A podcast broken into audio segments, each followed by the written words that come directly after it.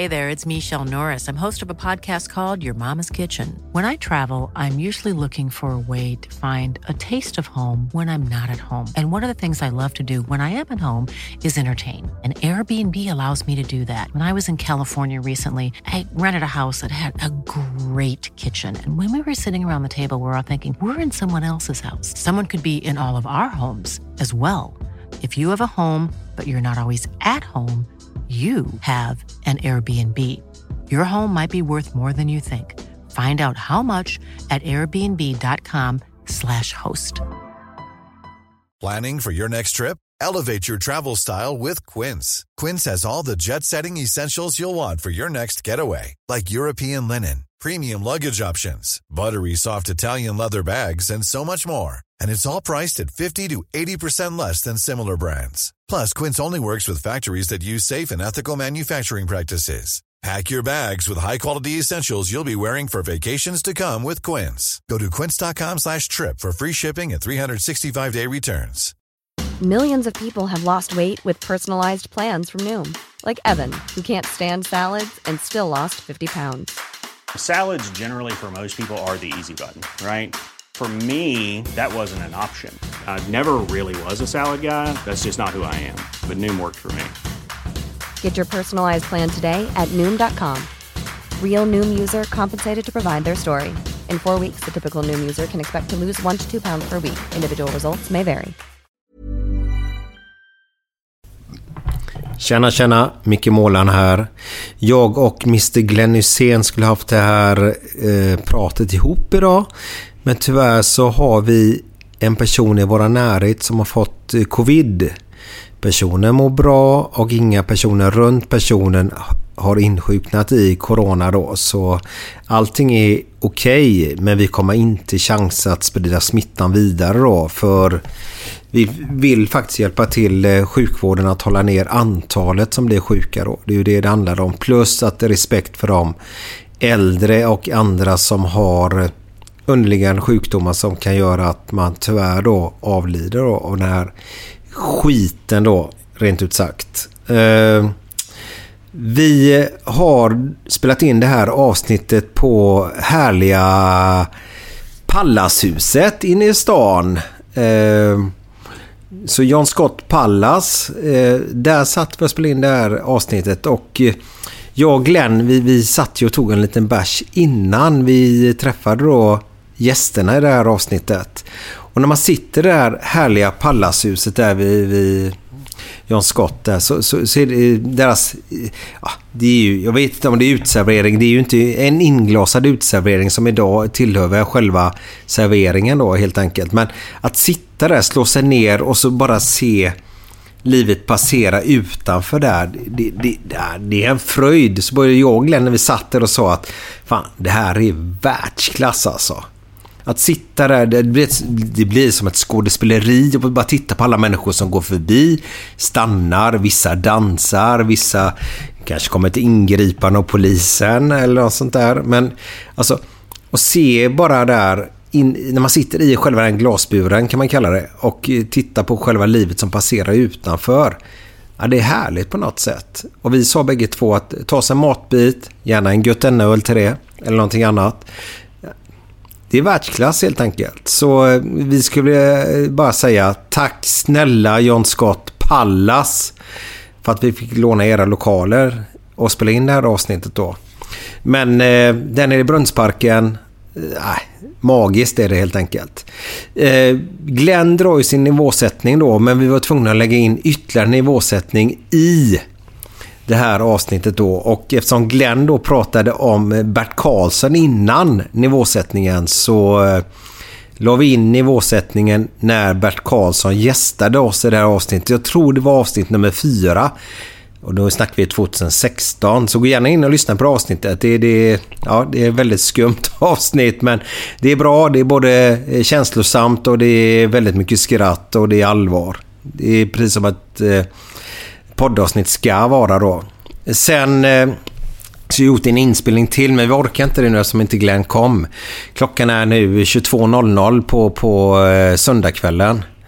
Eh, I slutet på det här avsnittet så så lägger vi in ytterligare ett av eh, vet det, nivåsättning slash avslutning från David Legas eh, podcast. Så eh, ja, häng kvar och lyssna ut gärna för det är riktigt, riktigt bra. Både jag och Glenn bara önskar ett jävla härlig arbetsvecka nu för det är måndag morgon, ni lyssnar och klockan 10.00 idag kan man börja beställa Götenölen på Systembolaget. Bor i Kiruna, bor i Lönn, Kristianstad, eh, Västervik, eh, till och med Stockholm. Vi tar Gävle, vi tar Sandviken, vi, vi måste ju ta lite Värmland, lite Karlstad till och med. Eh, Småland, vi, vi, vi kan ta Jönköping. Eh, så går det att beställa våran öl. Gå in på bolaget eller på nätet och beställ en Götenna-öl. Så behöver du inte betala extra för det utan bolaget tar in den till det bolaget där du bor. Och så får du ett litet pling på sms eller något annat meddelande att nu har ölen kommit så kan du hämta den för... Nu är det fredag! Nu är det fredag! Nu är det Götterna! Götterna. Direkt från Göteborg med Micke Månaden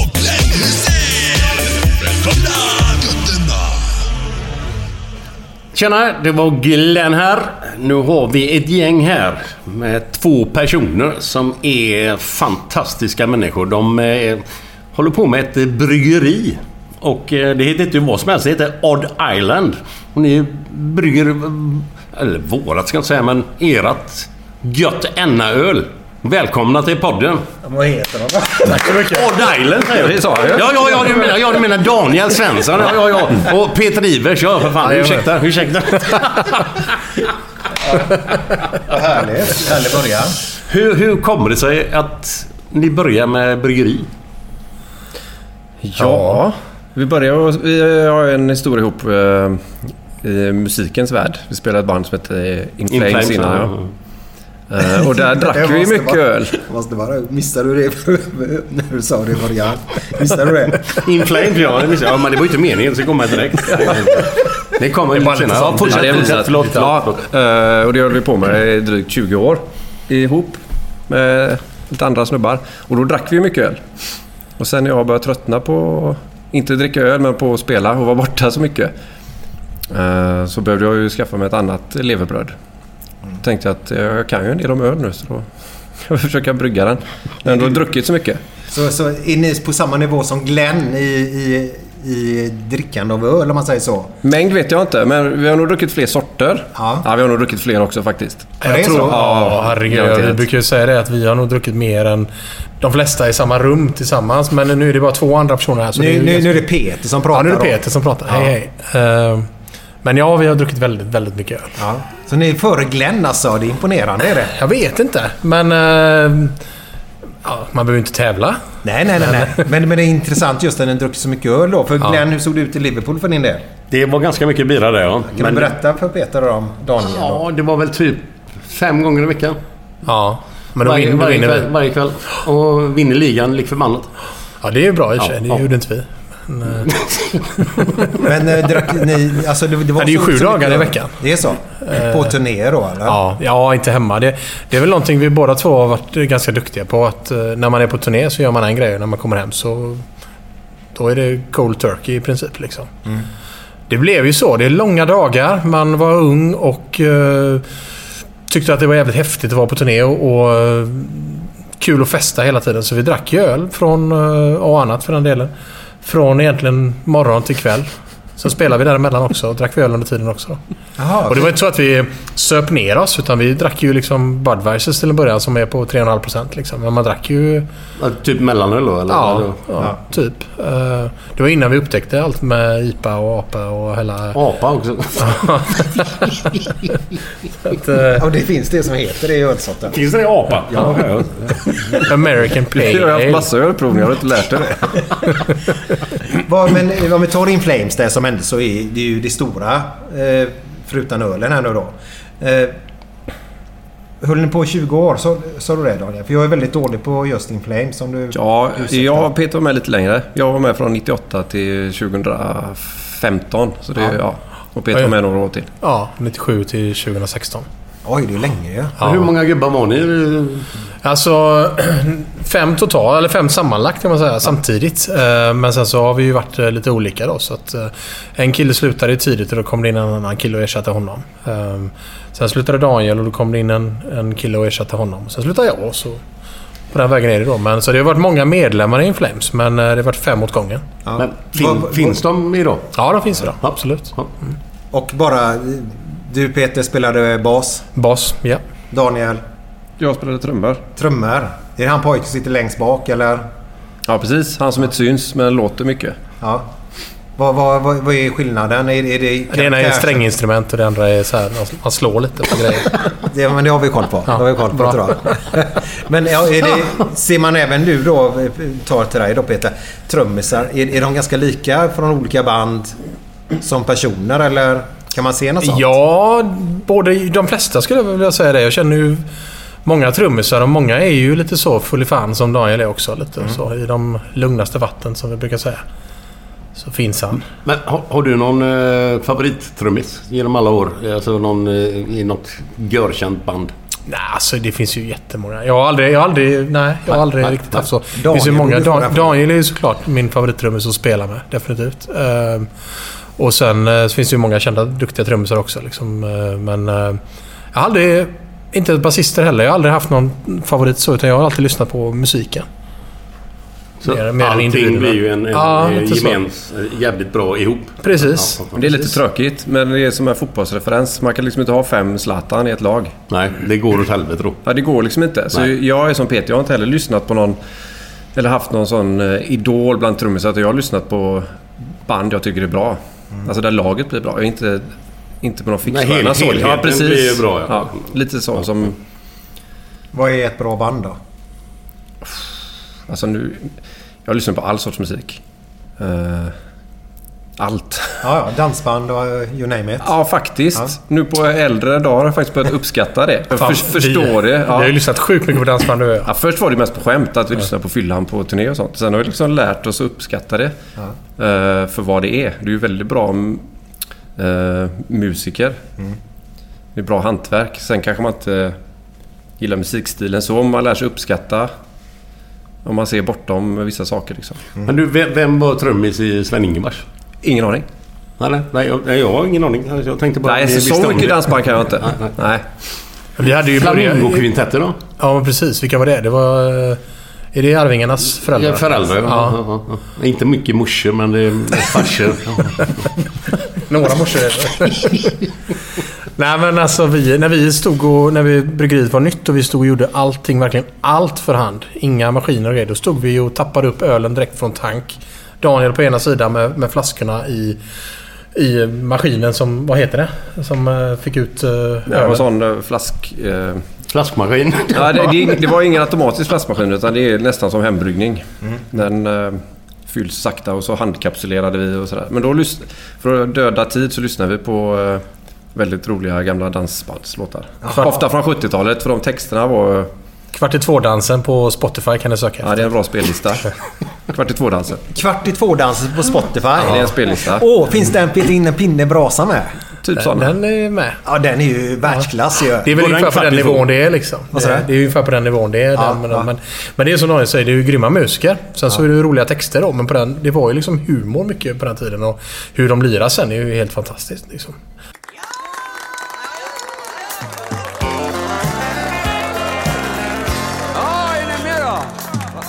Peta in en pinne i brasan. Hämta ett par öl och revbensspjäll Tanka bilen, rensa ur förgasaren Lappa mina jeans så är du snäll. Och min älskling, stoppa pipan, hämta mina tofflor. Tack för kaffet, blev det kvar till dig? Peta brasan Älskling, förklara varför du vill lämna mig Och det har vi provat också själva genom att testa nu i vuxen ålder och spela lite dansband. Det är ju det är jättesvårt. Alltså det är ju, herregud vad de lirar. Så, så man kan säga Kasper de är jävligt bra musiker. Ja, det är de. Ja. Grymma musiker. Det, det är ganska intressant för vi sätter på lite dansband när vi jobbar. Ja. Nu, nu, Och- nej, Ja, men jag har problem med rösten. Sluta mobbas. Eh, det är podd nummer två idag då. Eh, man, man blir glad. Faktiskt. När man sätter på det. Ja. Och man ser alla runt omkring blir också lite glada så. Så, så det, ja, det är lite trallvänligt kan man kalla det va? Den tycker jag var trevlig den vi hade uppe i... Var det Lysekil var det? Med eh, Magnus Vulkan. Marcus. Ja. Marcus. Ja, vi satt i raggarbilen där. Ja, Vilken låt var det? jag kommer inte ihåg det.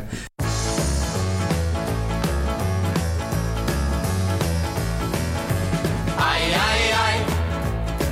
Det bultar och det bankar. Aj, aj, aj. Sen du lämnade mig. Faktiskt. Ja, det var inte Margareta. Nej. Vad heter den? Nå- Någon jävla... Jag vill vara din. Nej, den var det inte. Nej, det var inte den. Nej. Skitsamma. Ja, ja. Ja, det finns många fina bitar. Bitar heter den i dansband och låtar heter den i alla andra band. Ja, okej. Så att ni vet. Men vet du vad? Vi ska prata öl här nu i början. Eh, Ja, det var bra. Får man ta en här? Jajamän. Ja. Kalla är de också där. men var det bara två? Ja, 22 till där borta. Ja. Ja, jag Jag kan hämta. Ja, ja, ja. Eh, det är ju så att efter många om och men. Nu ska vi prata om Götene-ölen nu då. Som släpps Tack nu den Tack. 2 november på Systembolaget. Precis. Eh, har ni koll på vilka bolag den kommer in på direkt eller? Ja, hyfsat. Eh, Det är ju till en början är det tio stycken bolag i Göteborg. Sen är det lite grann utefter om det är fler bolag som eh, vill, där intresse finns. Liksom. Folk kan gå redan nu och säga vi vill ha in Götene-ölen. Då kommer de hamna där också. Eh, Men de, har, de, får, de ser vi bara på beställningarna. Liksom så. Men innan är det, vad är det? Det är Sisjön, Mölndal, Hovås, Kållered, Kungsbacka, Kungsbacka, Mölnlycke. ehm, nya butiken i uh, Sisjön också, eller Högsbo. Så är det något mer. Ja, någon mer. Ja. Så. Men grejen är så här, det, det handlar om att när vi, i våran storlek då, så släpper man öl på eh, ja, maximalt 10 butiker till en början då, innan man hamnar i fasta sortimentet. Och då är det upp till alla andra som gillar ölen att beställa in den. Eh, be, eh, gå till eh, någon i butiken och säg hej jag vill göra en kundefterfrågan på Gött Enna eller någon annan öl som man gillar då. Ehm, och då måste de göra det. För att Systembolaget har monopol på detta. Så då måste de enligt lag då gå in. Om du går in Glenn och säger jag vill att ni tar in den här ölen här. Då måste de skriva in det i datorn. Okej. Därmed inte san, äh, samma sak som att det händer. Nej, nej, nej, Men då nej. blir det liksom en liten pling. Okej, intresse fanns för den här ölen. Så att ju mer man efterfrågar eh, småbryggeriers öl, desto större bryggerier, bryggeri kan man bli och eh, desto mer öl kan man göra helt enkelt. Vi- Den vi- korta vilken, versionen. vilken är den... eh, Alltså, vilken, så länge ni har hållit på då med byran. Vilken är den som har sålts mest? Av våra öl. Ja, det? Vad är det? Hör- Den första ölen vi släppte var ju en som heter Citroën. Eh, som kom 2016 och den har väl sålt mest för att den har varit med längst. Men den som säljer mest idag det är nog en öl som heter Hazy Dizzy. Som eh, vi döpte. Hazy Dizzy. Hazy Dizzy. Vi döpte den efter eh, att man blir lite hazy. Eller den är lite hazy men man blir lite dizzy. Och sen så låter det som AC/DC när man säger det snabbt. Dizzy. Så att, eh, men det är ingen som kommer komma ihåg vad alla heter så det är bara att söka på Odd Island på Systembolaget.se eller fråga butik. Så, så finns även Götene-ölen där. Vi, vi... Gott... Götene-ölen är ju släppt innan nu då på vissa krogar i Göteborg. Den sålde slut eller? Ja, den, den har gått väldigt bra faktiskt. Ja. Väldigt eh, populär eh, öl. Så vi får brygga mer av den än vad vi trodde vi skulle behöva göra. Det är så? Ja. Så nu kommer Var är den här första uppställningen eller? Första elvan. första elvan. Eller startelvan. Ja, ja, Startelvan då. Men den startelvan är väl lite mer krogar nu va? Nu är det det. Jag har inte lika bra koll på det som eh, våra säljare Jesper har. Men det är ju alla John Scotts. Det är 2112. Det är eh, Werners Bistro. Det är eh, Oliverdal. Och... Eh, är det... Järntorget var det någon där nere. Tappade jag namnet. Ja, det är. Bishops tror jag på Järntorget va, som har? Bishop Arms. Ja, ja tror det. Men det är där vi, vi börjar ju där. För som jag sa så bryggde vi inte jättemycket. Vi bryggde 2000 liter och sen så, så började vi med en 11. Eh, och så fick den eh, ta slut där helt enkelt. Och så fick, folk be om mer då. Så nu kommer den ju komma ut på många mer ställen. Och på eh, Systembolaget som sagt. Och sen är det så. Det är bara att fråga. Be din lokala krog eller Systembolaget ta in den så, så kommer den så småningom. För nu kommer den bryggas permanent. Den kommer göras eh, hela tiden. Och, eh, men vanligtvis kanske vi gör ett par ölsorter när man gör på det här sättet. Ett sånt samarbete. Så kanske vi gör det en eller två gånger. Men den här, det här är en öl som kommer finnas kvar.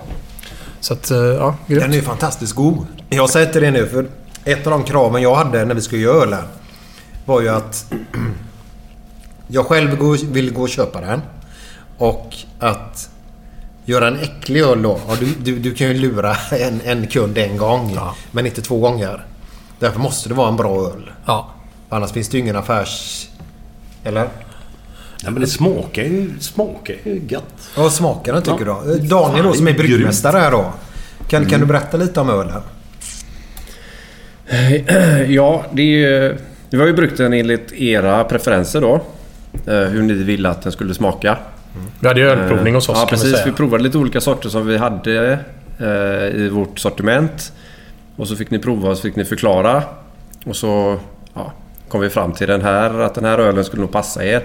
Eh, stilmässigt så är det ju det är en eh, ljus lager i... Eh, ska man vara riktigt petig så är det en Dortmunder. Det är ingen som vet vad det är.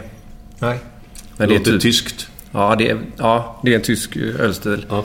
Så det är ingen pilsner utan det är en eh, lite maltigare eh, lager. En, lju- ja, det är en ljuslager. Som eh, har en lite maltkomplexitet och inte så mycket humlearom. Kan, Nej. kan man säga. För det var humliga som jag var, eller vi var noga med att trycka ner. Ja. Mm. För det är den ofta som jag tror man känner väldigt mycket smak av. Kommer du ihåg den ölen vi drack på något ställe? Som vi inte kunde dricka upp. det var väldigt, väldigt Den svårt. ölen ni drack på något ställe. Du kan ju inte dricka upp den. Nej, vi gjorde inte det. Det måste det vara för jävla äckligt. Ja, vi behöver inte säga vad det var ändå. Eh, Men de hade gjort en egen öl. Ja. Eh, Och den var inte god. Nej. Men det var en lager bara. Och då tror jag det var mycket humligare. Ja, det kan ju vara många saker också. Det kan ju vara felbryggt. Men eh, humle kan ju ge lite... Det är ju det som får IPA att smaka IPA. Det är jättemycket humle i IPA. Ja, det är så. Lite här tropiska frukter och sådär. Ja. Det är, det, det är ju inte den karaktären man får fram i en eh, lager man har mycket humle i. Men det blir, du känner ju skillnad om du är van att dricka liksom industrilager och får en lager som är bryggt på ett mikrobryggeri. Den kommer ju smaka mer av allt. Varför? Kan du förklara? För att eh, vi varken pasteuriserar eller filtrerar våra öl.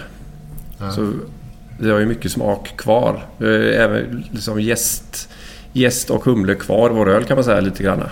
Förlåt, det här med att pasteurisera, vad innebär det? Man som hettar, inte kan. man hettar upp produkten Okej. eh, för att förlänga hållbarheten. Men då tappar du mycket fräschör och smak också samtidigt. Det gör man ju med många livsmedel. Men du förl- förlänger hållbarheten. Men du Ja, tappar okej. smak. Ja. Men den kommer smaka samma under lång tid. Medan våra öl, vi gör ju färsköl kan man säga.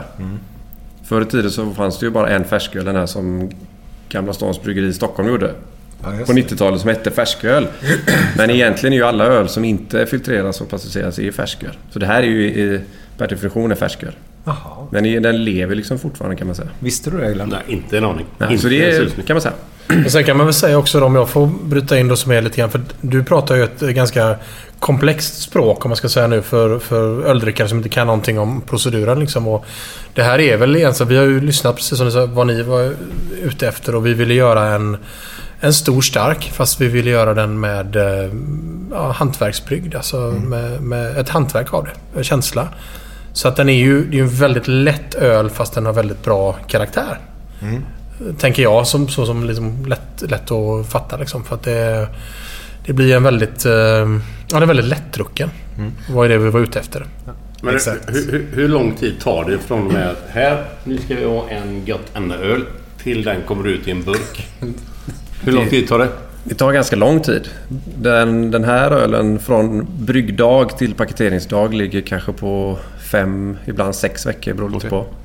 Så det, det tar en stund. Ja, för jag, jag har lärt mig under tiden då att IPA går mycket snabbare att göra. Stämmer det eller? Ja, det går snabbare. Varför går det snabbare då? Lagen behöver kalllagras lite, en lageröl. Jaha. Och så tar det längre tid att jäsa den. Den jäser långsammare, man jäser den kallt. Kallare än en ale. Ja, värme pro- eh, gör att processen går snabbare. Ja, den, en ale Okej. jäser fortare. Sen Okej. behöver inte den stå kallt lika länge. Och den här... Eftersom vi inte filtrerar vår öl så, så kommer den inte bli liksom blank och klar. Nej. Utan det som får vår öl blank och klar är att den får stå och, och så får liksom jäst och proteiner får liksom falla ur genom gravitation. Och det tar en stund. Och det tycker jag är jävligt bra. Den är inte superklar, det kommer den aldrig bli. Nej. Men den är mycket men den- klarare än vad jag trodde. Ja, Men under den här eh, verksamheten, en öl ska bli klar. Är ni nere och smuttar lite på, på, vägen där eller så? vi måste ju vi smakar varje dag Ja. och se så att... eh, Det var inget illa ment. Nej, nej, jag men det måste man göra. Se så att den eh, Ja. är på rätt väg, Yes. att den funkar. Ibland så blir det fel, får man hälla ut. Takterna sitter i sen in flames. Ja, vi går ut och skåpsuper så liksom, men man måste ju smaka. Det smakade mycket på turné också. Ja. Ja, ja, På men ett det är annat sätt. Men det är ganska intressant för många tycker ju att... Nu, ska vi komma till lite, lite priser och sånt då. När IPA kom så... så ja, jag har ju aldrig gillat IPA. Eh, jag gillar ju den här ölen. Fantastiskt bra. Eh, jag gillar att ta med en Heineken hemma också i glasflaska och detta då. Jag vill ju helst haft... Vi pratar om flaska och detta då. Men så har ni ju lärt mig om hur det funkar med burk och detta då. Då sa vi då kör vi burk helt enkelt. Eh, men just... Vad, vad är det som gör... Om vi tar då Heineken kontra ett lokalt bryggeri som er. Var, vad, är- vad, är, vad är det som gör prisskillnaden om man säger med hantverksölen? Först och främst så har ju inte de sin öl på tank i sex veckor. Ja, hur, hur, hur, funkar det för dem? De jäser den nog ganska snabbt. Eh, filtrerar bort jäst, klarnar den och så kolsyresätter den och paketerar. Jag har ingen superkoll men det skulle kunna vara en vecka liksom. Ja, det är så. Och deras tankfat. Vad jag såg på sådär. Eh, de skulle förflytta en, en stor, stor med en lastbil. Det var på 250 000 liter. Åh, herregud. Vad var, var det tankfatet? Det skulle, jag tror det var till, till Heineken och sådär. Och vi kör 2000 liter. Ja. Så det, det är ju ett hantverk det handlar om. Liksom. Det är lite... Om ska jag hårdra det lite så är väl om du köper en eh, massproducerad smörkniv från ett visst känt eh, möbelföretag. Eh, så är den väldigt mycket billigare än om du köper en... eh, Någon har suttit och täljt den själv och fixat i ordning. Men det är kanske lite roligare att äga den här täljda kniven själv för den kommer inte aldrig se likadan ut yes. som någon annan. Även om den, har, den här 5 kronors smörkniven är praktisk och går den sönder så kan du bara köpa en ny. Liksom. Det är kanske lite så, kanske inte riktigt rättvist, men det är ju ett hantverk med ölen. Och lite då på grund av att vi inte har så stora jästankar och på grund av att det tar längre tid för oss att brygga en öl så måste vi sätta ett högre pris. Eh, Det innebär också att vi kan inte köpa lika mycket råvaror som till exempel Heineken kan göra. Vilket gör att vårt råvarupris blir dyrare. ja, just det. Så vi måste ju sätta priset därefter då. Ja. Eh, Det finns så många parametrar. Alkoholskatt. eh, Systembolaget var ju ett monopol i Sverige så de gör ett påslag på 17% från vårt utpris. Så att det, det är många grejer som gör att eh, en eh, hantverksöl blir mycket dyrare än vad en massproducerad industriöl blir. Därmed inga värderingar lagda i det. Men det, är därför, det kan vara bra att veta ifall man undrar varför den här kostar 27,90. Mm. Så är den fan gjord med, med känsla och med kärlek och med hant, hantverk. Yes, Liksom. Yes. Mitt öldrickande har faktiskt förändrats senaste halvåret. På grund av att vi började prata och samarbeta. Och grejen var innan vi tog sista steget där Peter. Så hade vi varit i kontakt ett år innan va? Ungefär. Ja, ja, precis. Något sånt där. Och så inte rann ut i sanden men det var sådär i stiltje och så. Precis när jag tänker faktiskt kontakta dig så kontaktar du mig. Ja, jag kommer ihåg att jag messade Jonas då, vår gemensamma kompis. Och Ja. Så här, bad om numret för jag hade slarvat bort det tror jag. Ja. Så, så hörde jag av mig. Och så, ja. Och, och just det där öldrickandet då så... Det jag tycker är intressant är att jävlar vad mycket öl det finns där ute. Det finns ju mycket som helst. Och, och ska du ha en, en öl för hantverksöl, det kostar ju lite mer. Men samtidigt kan du gå hem och njuta lite mer av den då istället.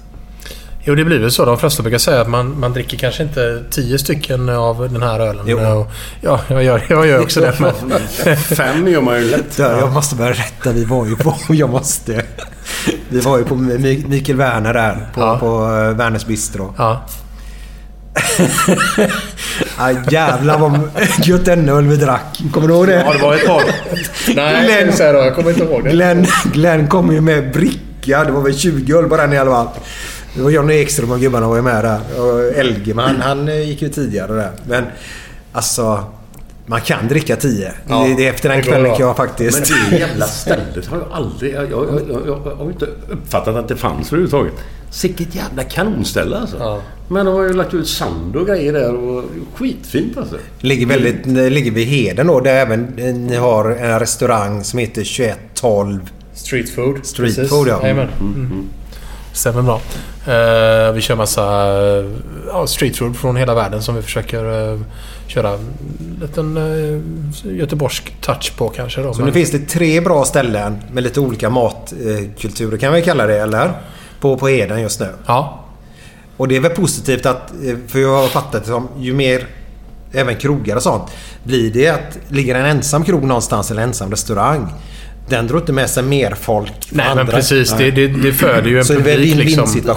Det är ju ingen, det är ingen konkurrens på samma sätt. Utan ju mer ställen på samma plats, desto, plats, Mm. desto mer folk eh, kommer dit och hänger. Liksom. Så att, eh, absolut. Ja, det är ju jätte, jättebra. Men vilket ställe säljer ni Kan du mest? prata lite närmare bara? Vilket ställe säljer ni mest bilar på i Göteborg? Eh, ja, du menar uh, Oranje? Ja, alltså, ja. Eh, det är nog faktiskt... Uh, ja, John Scotts-koncernen jobbar vi ju väldigt mycket med. Eh, väldigt bra. Vi tycker att de har en publik som passar våra öl väldigt bra. Då, som är intresserad av hantverk men också har eh, hög hinkabilitet, som vi brukar säga. Hinkabilitet. Ja, du vet, du kan hinka dem. Så. Härligt, jag älskar det. Ja. Vi måste ju berätta, vart är vi här idag? Vi är på John Scotts Pallas. Pallas, gamla Jajamän. härliga huset. Sitter Ja. uppe i något rum här. eh, Ja. Det ser ut som någon slags eh, sån eh, Hawaii... ja, lite så är det ja. Ja, lite djungel över det va? Ja, ananasar och grejer och... Men det är ju sån där... Jag skulle sagt eh, Kunta Kinte-grej, men vad heter det? Ja, Kunta Kinte, ja. Det, är- ja. Ja, En- en- Tottenpåle är det, eller? Lite, Ja, ja. indi- lite indian så. Eh, Dö, som dö. Frulla Indians. Vet du vad jag har hört? Jag har hört att någon av våra gäster har firat bröllopsnatten här. Nej, inte här inne. Nej, inte här, men på, på, Ja. i, i Pallashuset. Ja, det är bröllops, eh, bröllopsdagsnatten häromdagen. Okej. kör, kör vi här. Ja. På hotellet bredvid här. Det var nice. Det här är... Jag tror Pallashuset är så här att det var någon rik herre förr i tiden. Som byggde upp detta. Och de hade inga egna barn. Så de skänkte det här till, till staden Göteborg. Var Jaha. det, var det Bert Karlsson? Ja, nästan. Nej, men det var, det var ju så på den tiden att godsherrar förr i tiden. De byggde ju för staden de bodde i. Och så skänkte de oftast det till stan. Så tror jag även, vet du, var ju hotellet Eggers va? Det är huset, men det ska de ju sälja nu då, kommunen. Det är också någon som har byggt upp och skänkt till staden Göteborg då. Åh fan. Så det gjorde man med förr. Man byggde grejer för framtiden då. Ja, Eh, Jag gillar det. intressant. Ja, visst är det. Ja, visst. Jätteintressant. Har du nivåsättning Jag där? kan kolla. Intressant. Jag sitter och bryter ihop. Det är sånt man brukar säga när någon så ger en eh, någonting som man ska ha en åsikt om om man inte tycker att det var bra eller Nej. gott. Eller. Intressant. Ja, jag sätter nivån här nu. Spännande. Är du med? Glenn har varit här sedan klockan fem då och Yes. druckit öl kan vi säga. Kan du komma lite närmare den? Ja, ja. Nu är det så här va att Karl är på Tyrolen och uppvaktar en dam. Då säger han, är du gift eller? Ja, men just nu är jag gräsänka. Åh jävlar, det passar ju skitbra. Jag är vegetarian. Den tycker jag är rätt bra. Ja, ja, ja. Var det nivå? Gräs, gräs. Ja, ja, ja, det är lugnt, det är lugnt, det är lugnt. Glenn alltså, han är ju fantastisk att berätta historier men han berättar om en fel tillfälle. Jag menar, han berättar historien om dvärgen på Vad skulle du säga nu? Då var ju han i rullstol, han kommunalrådet. David Lega. Ja, David Lega som hade den minsta biten i världen. Nej, jag säger korta historier ska det vara. Han blir lite för... Nej, han blev lite Han har inte kommit över det. Jag har det som exempel på hur man inte ska göra berätta historier. Det är man måste titta på lite på publiken alltså. Ja, den är jävligt bra alltså. Men den här är bra tycker jag, för den säger allt. Det var politikern och horan som hade dejt och efter några vinare så blev han lite förtrolig politikern så han säger att ja du ska veta en sak om mig. Jag tillhörde faktiskt de ärliga politikerna. Jaha, sa horan, då måste jag också erkänna en sak. Jag är oskuld. Det var likadant tjejen du vet som, eh, som klagar på killen efteråt. De har haft lite mysigt. Så säger de att väldigt litet instrument du hade. Jaha, sa killen, men jag är inte van att uppträda i så här stora lokaler.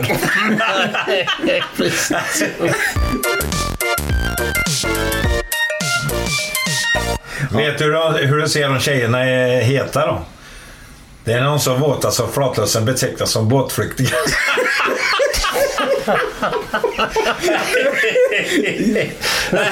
Bert, nu får- nu får du lugna dig alltså. Så är det. Ta till lite lugnt. Nej, då är de klara alltså. Så du får kolla upp lite. Ja, så är det. Min favorit det var ju, som jag hade för Göteborg, Alf Robertsson. Detta var ju en kaxig jävel. Han eh, förstörde ju mycket politiskt alltså. Precis som Lina Bengtzing alltså pratar för mycket. Men undrar vem det är som pratar för mycket här just nu? Ja, men det är en annan sak. Ni har ju bjudit in mig för att prata mycket. Ja, exakt. Jävla stollar. Det platsar ju inte som nitlott på böglotteri ens en gång. här. Jo. Jaså? Det gör... Du vet, jag brukar säga det till raggarna när de är lite hotfulla, du vet. Så säger man till raggarna, du vet, fan ni platsar ju inte som nitlott på böglotteri. Då hinner man ju sticka för det tar en kvart innan det Ingen har är bra. Och sen jagar de nu. Ja, Då är det för sent. Det. Den här tycker jag är söt också. Det var en bonde som fick en ny granne. Så var han ute och plöjde åkern en dag. Och så lämnade han två fyrkanter. Och så kommer grannen ut och frågar vad fan, varför lämnar du den fyrkanten? där? Ja, det hade jag min första kärleksupplevelse. Jaha, fan. Och, och där då, den andra fyrkanten. Ja, där stod hennes mamma och såg på.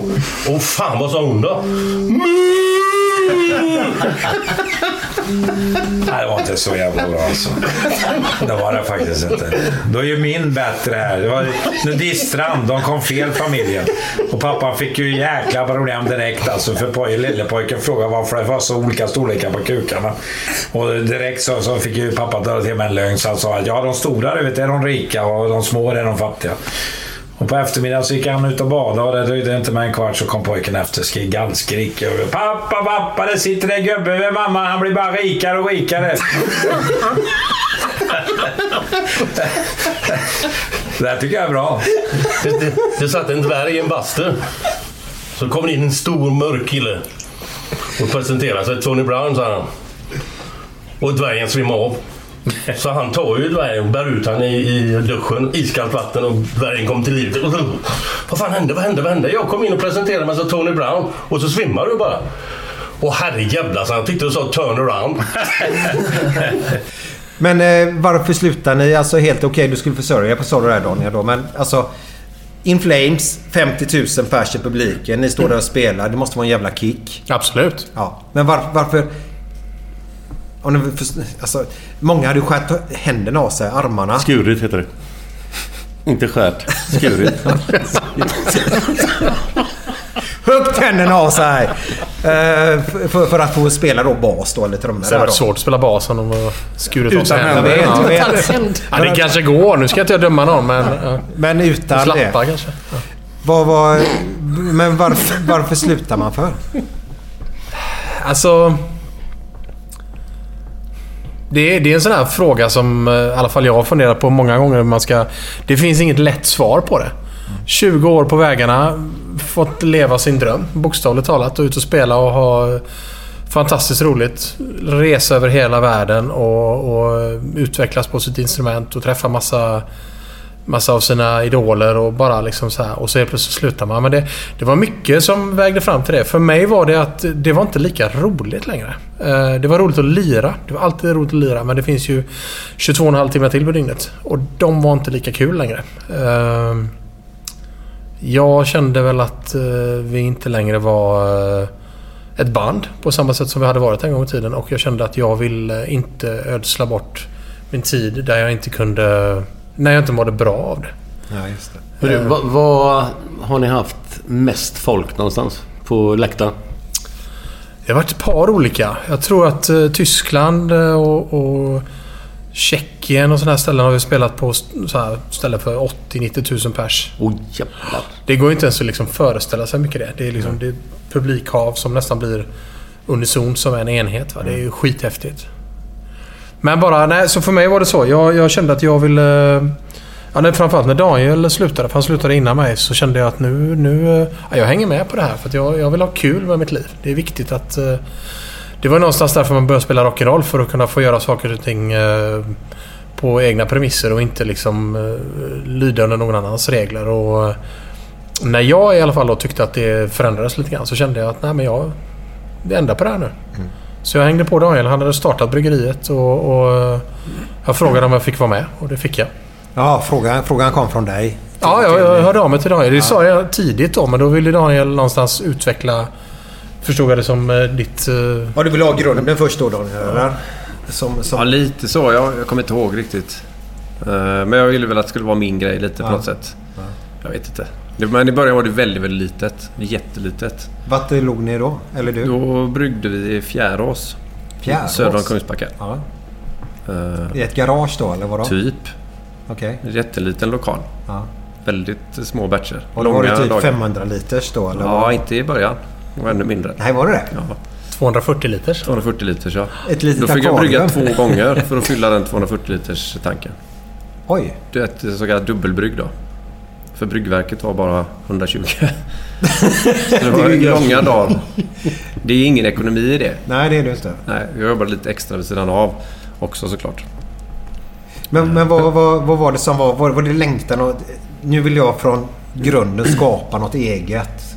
Eller jag vet inte. Nej, egentligen inte. Jag, jag var trött på att vara borta från min familj. Ja. Och kände att jag jag lite yngre liksom.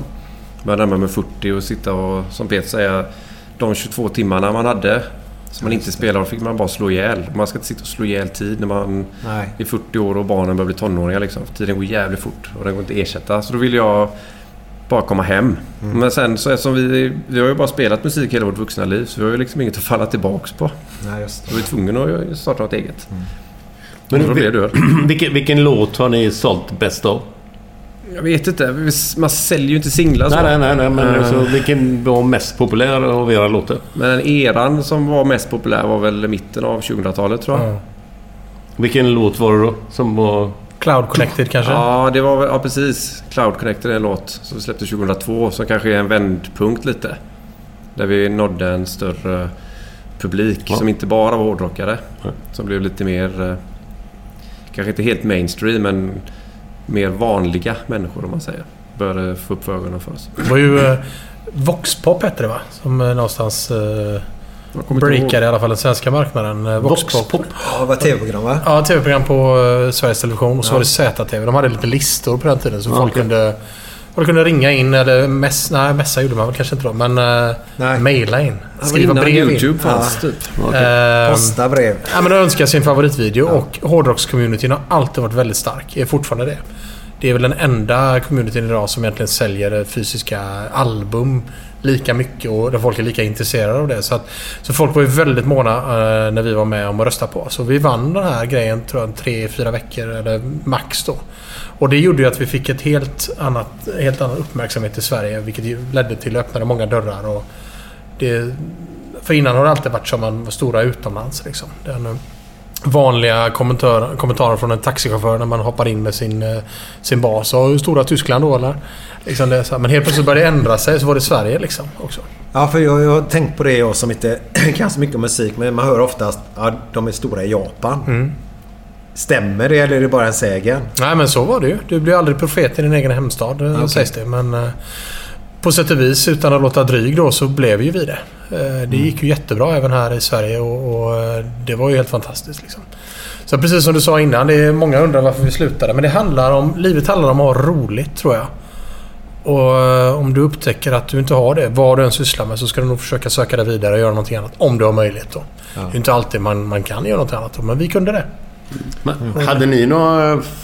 Ja, det är klart ni hade. Favoriter när ni växte upp eh, inom musiken liksom? Ja, massor. Det, Typ? Iron Maiden. Iron Maiden, ja. Absolut. Bruce Dickinson. Ja, sångarna ja. Precis. Steve Harris och gänget där. Jajamän. Mm.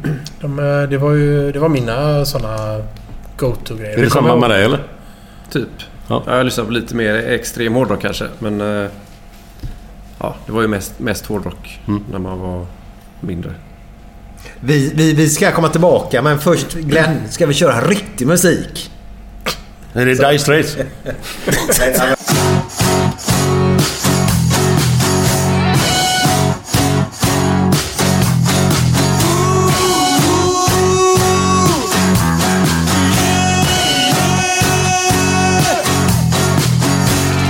Måndag morgon, inte bra. Tisdag morgon, inte bra. Onsdag morgon, Torsdag morgon, det är inte bra. Fredag morgon, lite bra. Fredag lunch, mycket bra. Fredag eftermiddag, underbart. After work med karaoke. Man får en öl och pyttipanna. Fredag kväll och livet leker. Man kan inte säga annat än att jag har det gött nu!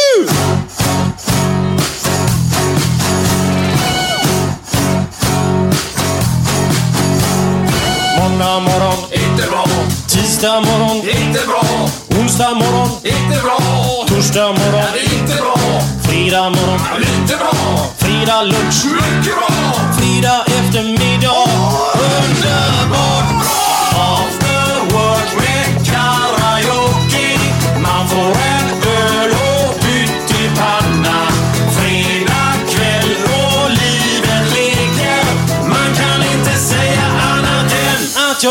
jag det gött nu! Ja men ser, seriöst alltså. Ja, det är mycket går att att dricka dricka en på med. faktiskt. Den är riktigt, eh, riktigt bra.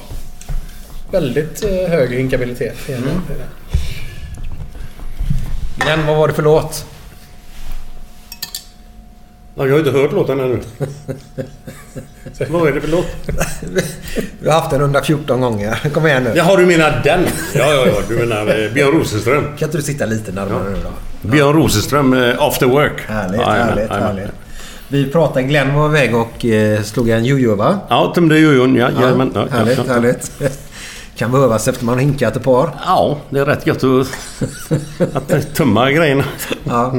Men eh, Peter och Daniel, vart, vart är ni uppvuxna? Vilken stadsdel? Är ni göteborgare överhuvudtaget? Ja. Ja, jag är född i Majorna. Majopojk! Det Fast älskar jag fly- flyttade söderut när jag var sju. Ja. Till eh, Kullavik.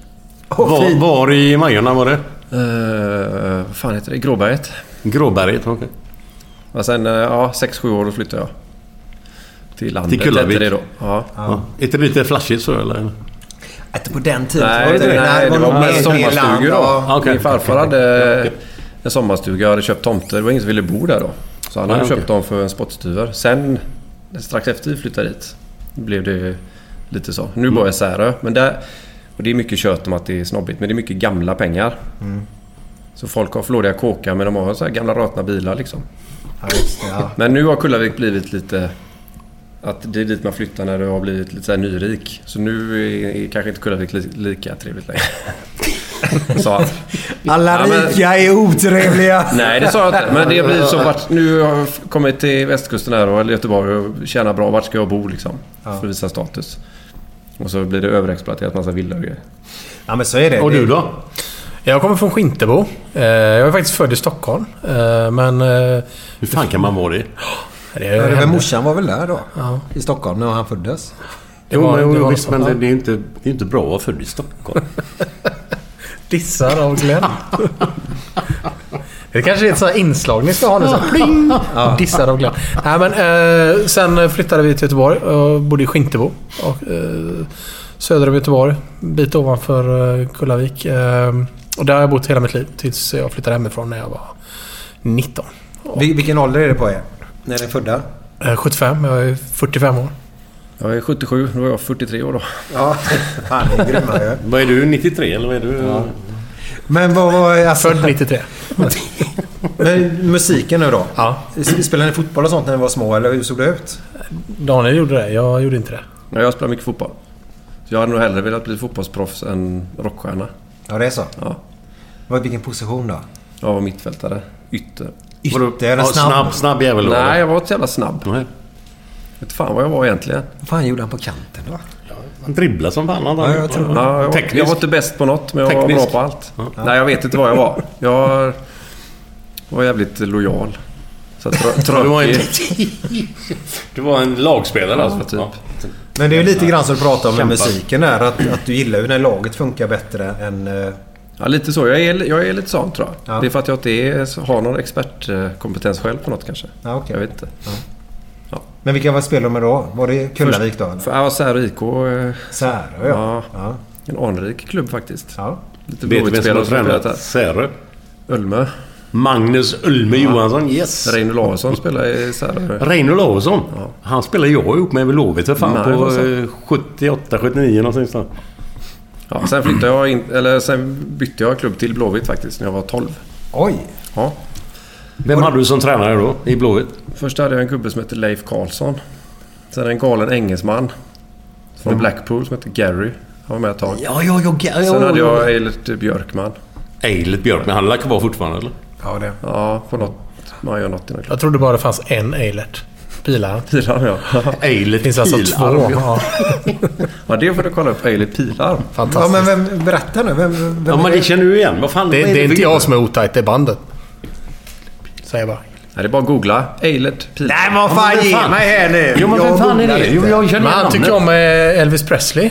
Eh, Jag tror att han gick bort. Ja, han imiterar Elvis Presley. Jag tror han var med på BBC på någon sån här nu, uh, nyårsshow på TV. Och han kan inte engelska så bra tror jag. Så han typ härmar hur det Ja, ja, låter. ja, ja, ja. Det är han som... eh, Ja, lite komiskt. eh, Ja, det blev väl lite, Ja, det är kanske lite lite, lite komik, så. ja, men, eh, ja, ja. men han var ju seriös och han var ju så här superinne med det då. Så att det, om, man, om man väljer att inte så här, göra narr av honom så var det ganska coolt. Liksom. En snubbe som inte hade de skarpaste smörknivarna i lådan. Liksom, men han var fortfarande Var det- jävligt passionerad. Liksom. Måste varit Ikeas smörknivar då, va? Några billiga. det var inget hantverk där. Nej, fy fan. Eller ja, det var det väl i och för sig. Men du spelar ingen idrott överhuvudtaget? Nej, det gjorde jag inte. Jag spelade du vet, så här, lite, lite fotboll och lite basket och såna här grejer. Men ingen, ingen så. Jag ville alltid bli musiker. Okej. Det var det som var grejen. Jag hade inget annat som jag eh, siktade på. Utan, eh, det var först när jag blev lite äldre som jag faktiskt ville bli... eh, Eller som jag provade andra grejer också. Liksom. Men då måste jag fråga er. Hur, hur hamlade ni i In Flames då? Eh, Vem startade In Flames från början? Jesper Strömblad heter han. Eh, vi var kompisar eh, genom... Han lirade med min brorsa i ett band. Och sen så... eh, Många år senare när det var dags för In Flames att skaffa en ny basist, för den dåvarande basisten eh, slutade. Så frågade de mig och jag sa absolut. Jag var inte så inne på den här musiken. Jag spelade mer så här eh, slick art rock som så Toto och Dream... Ah. Eller Toto kanske inte art rock men Dream Theater och, och, och Rush och den typen av musik. Och, eh, men jag gillade alltid In Flames för jag tyckte om eh, melodierna. Jag tyckte om mixen mellan sången, eh, extremsång och bra melodier. Så när de frågade så sa jag absolut, jag, jag är på liksom. Så, att, eh, så jag gick med 97. Då var jag 22. Och hur länge var du kvar där? Till 2016. Ja, jävlar. Nio år.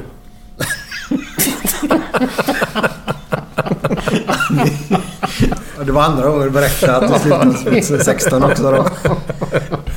Kan inte Glenn få en öl till då? Nej, jag är ju för fan... Nej, nej. Ja, du fan, är saknat ju där. Okej, ja, ja. Jag tar den till. Och Daniel då? Hur hamnade du In Flames då? Eh, jag hade ett eh, annat band som jag spelade lite i, i, i vårt garage hemma i Kullavik. Storrocksband, när jag inte spelade fotboll. Och så spelade vi in några demos och hårdrockscommunityn i Göteborg var inte jättestor men eh, många kände många och man spelade in sina skivor på samma ställen och man hade liksom connections. Och så på den vägen var det liksom. Okej. Så vi spelade in våra demos i samma studio där In Flames spelade in sina skivor. Och när Björn då som valde att sluta spela trummor och ville spela gitarr i In Flames istället hoppade, lämnade trumstolen. Jaha, spelade han trummor från början? Ja. Så då sa han, han som hade studion att ja, men testa han gubben i det här bandet. Han, han kan nog. Och jag gillar ju In Flames. Jag lyssnar mycket på dem så jag, jag fick prova så kunde jag alla låtar där. Så det var ingen så snack. Du behövde inte lära dem? Nej, jag kunde, jag kunde Okej. dem faktiskt. Ja, det var så? Ja, nästan så. Sen för oss då, så, eller för mig då, var det ju liksom som att... Så här efterhand helt plötsligt fick vi... Även om Björn var duktig så... Alla hamnade på sina rätta positioner. Han var ju bättre på gitarr och Daniel var ju en klockren trummis liksom. Så det blev uh, gjutet.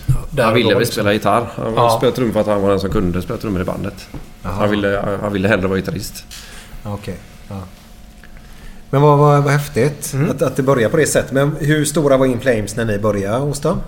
Ingenting egentligen. Jag tror de hade gjort en eller två turnéer eh, tidigare runt i Tyskland lite grann och sådär. Och, så att eh, det var väl egentligen först då det började. Det var ju också därför de tidigare medlemmarna, gitarristen och, och eh, basisten, de slutade så vitt... Nu får de, om de lyssnar på detta så kanske de eh, säger så var det inte alls. Men jag tror att de slutade för att de ville inte turnera. Så att eh, då hoppade vi in och vi ville ju turnera. Ja. Så att då, då var det lätt att bara köra Är liksom. inte det ganska coolt i den åldern ni var i? Att fan ut i världen Ja, och ja. spela. Så det måste vara... Men hur gamla var ni då? 22 var jag. Eh, ja, du var väl 22 också då, två år senare. Ja, 98 kom jag med. Ja, Mm. 21 var det. Ehm, och jag kommer ihåg den första turnén vi satt och bokade. Så var vi med, och jag och Jeppe. Så hade vi fått en deal för tre och en halv vecka eller någonting eh, där. Och så sa vi fan tre och en halv vecka, kan vi inte köra längre? Ja men det är inga mer, vi har inte mer dealar. Nej men vi spelar på dörren sa vi då.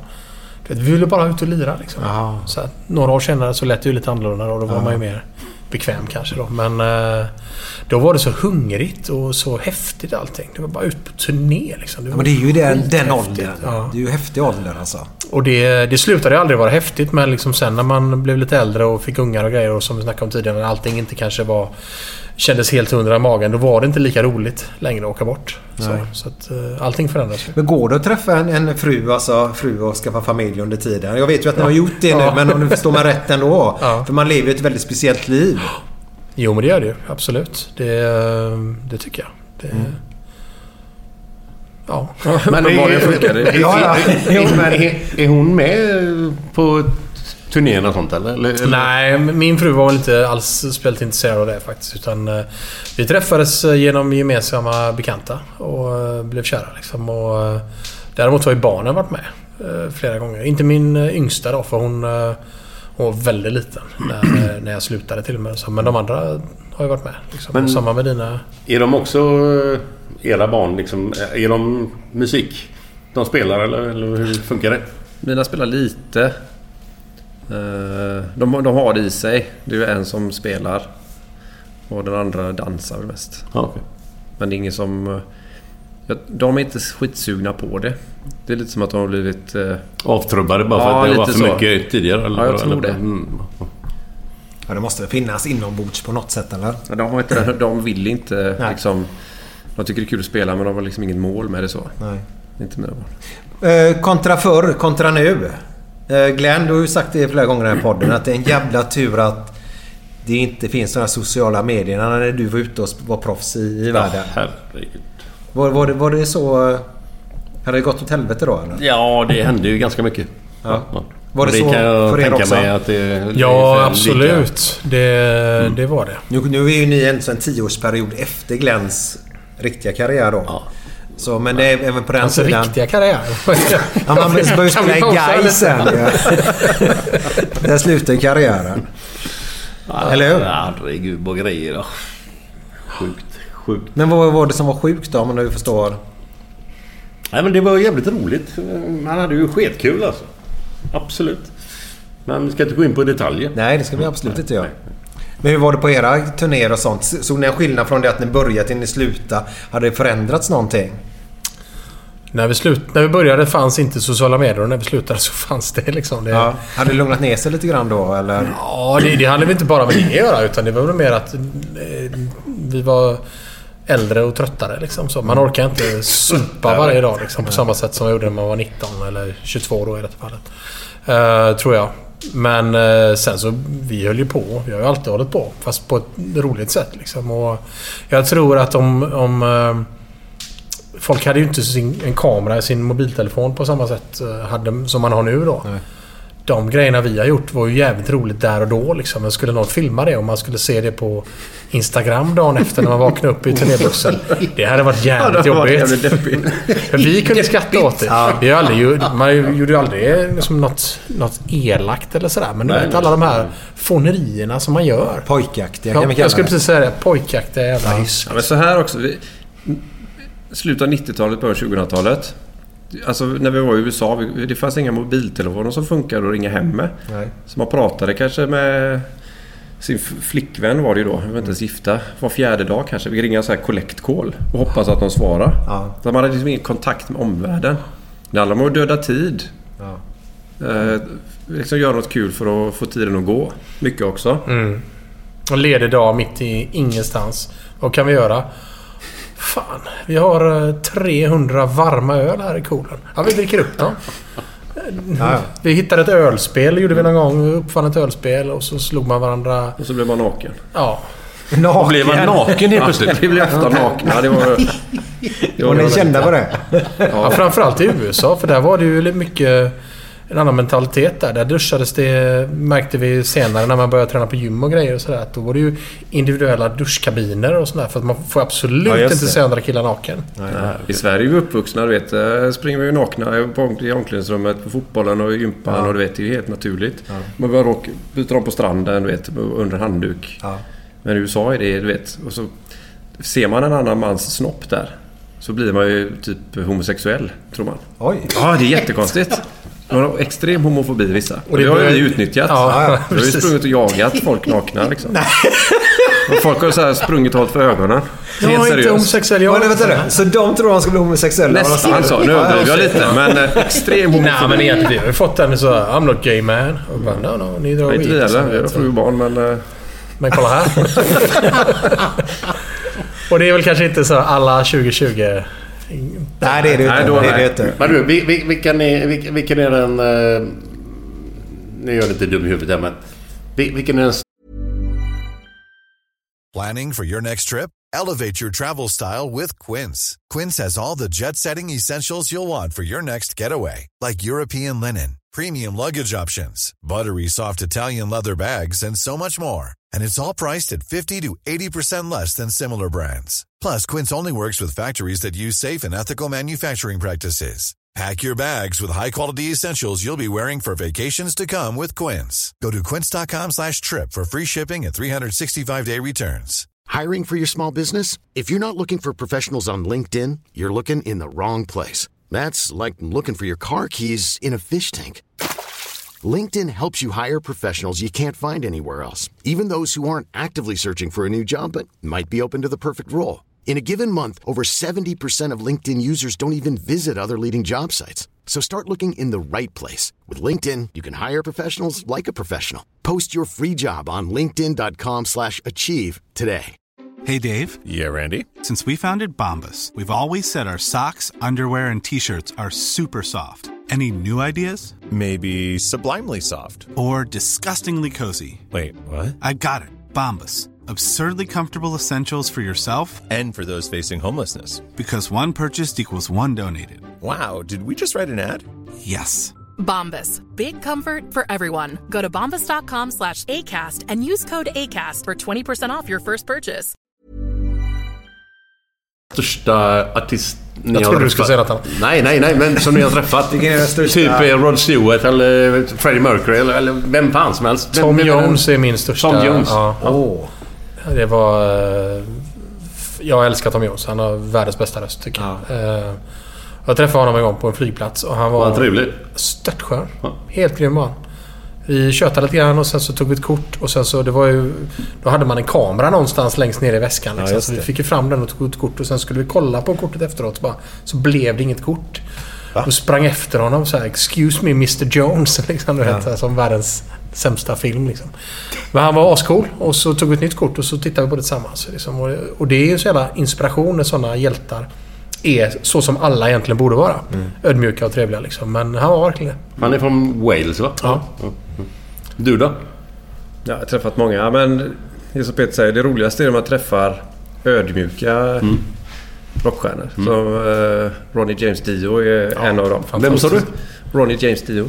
Vem fan är det? Dio. Dio. Rainbow. Jaha, Rainbow. Okej. Ja, okej. och Dio.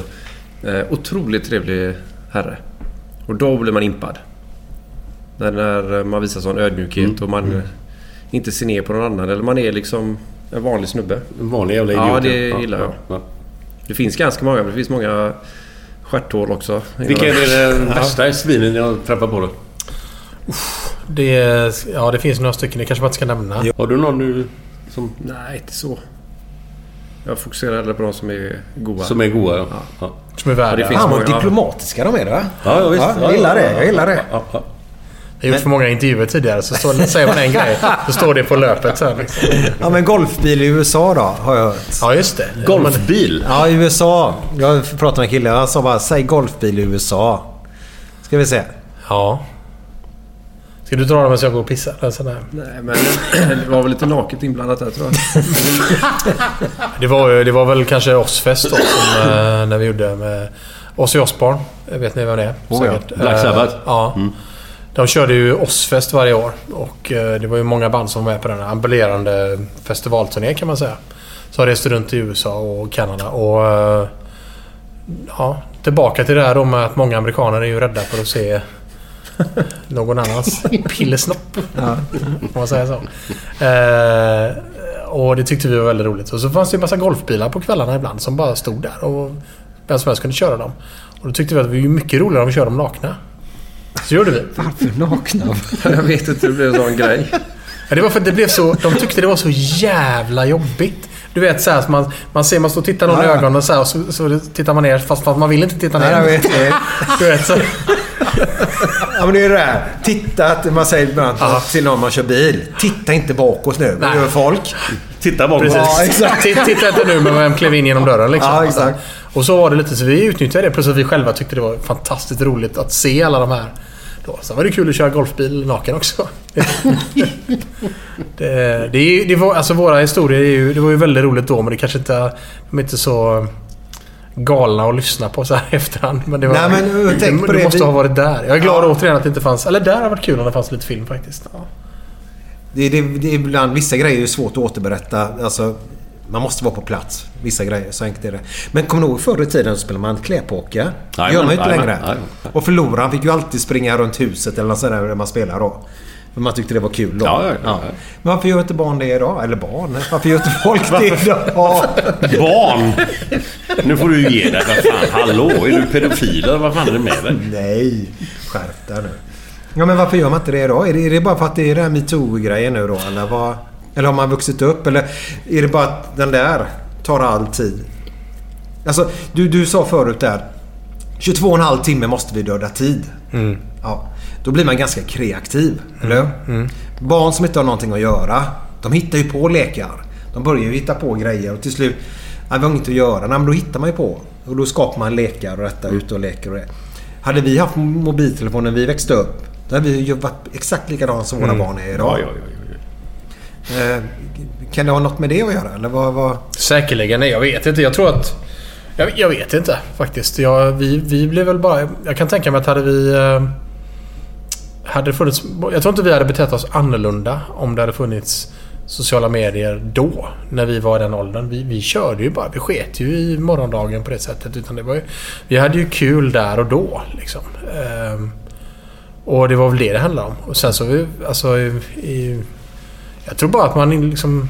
Sen kanske man blev lite medveten om vissa saker då. eh, Att eh, det syns ju även hemma. Och hemma är ju liksom lite sådär att man...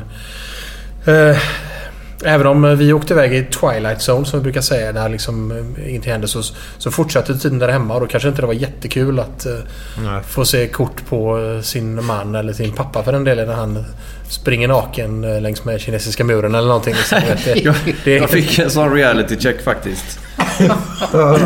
Jag hade en, jag var i Ryssland. Och där har de vodka. Som är jävligt bra. Som man kan dricka jävligt mycket av och man blir inte bakis. Va? Så man blir ju rätt packad varje gång. Jaha. Men man blir inte bakis? Nej, lite bara. Det är ren, Ja, ren det är så jävla sprit bra. liksom. Inget... eh, Fan nu marknadsför vi alkohol här men... Ja. eh, Ja, det är kanske inte så. Det är, Men jag, jag, jag har faktiskt hört detta Bobo genom en annan. Bobo Krull, ja exakt. Han säger också det. Ja. Och det är Rysk livsfarligt. vodka, det rent. är ju inga, inte massa tillsatser och skit. Nej, det är som nej. liksom... eh, ren tequila. Samma sak där. Okej. Som 100% agave. Liksom, det, är inga, det är inga tillsatser. Utan du... Ja, ja förlåt. Det- Ja, jag, ja, då blev vi full. Och vi hade en, en, eh, tidning med. Så gjorde en reportage om hela resan. Jaha. Vi var väl där från torsdag till söndag. Gjorde Moskva och Sankt Petersburg. Och så ja, var, åker man nattåg mellan Moskva och Sankt Petersburg. Det är det enklaste sättet att resa. Jag satt, satt och drack vodka. Blev småpackad. Sprang, slut på att jag sprang runt naken mellan eh, kupéerna. Naken igen ja!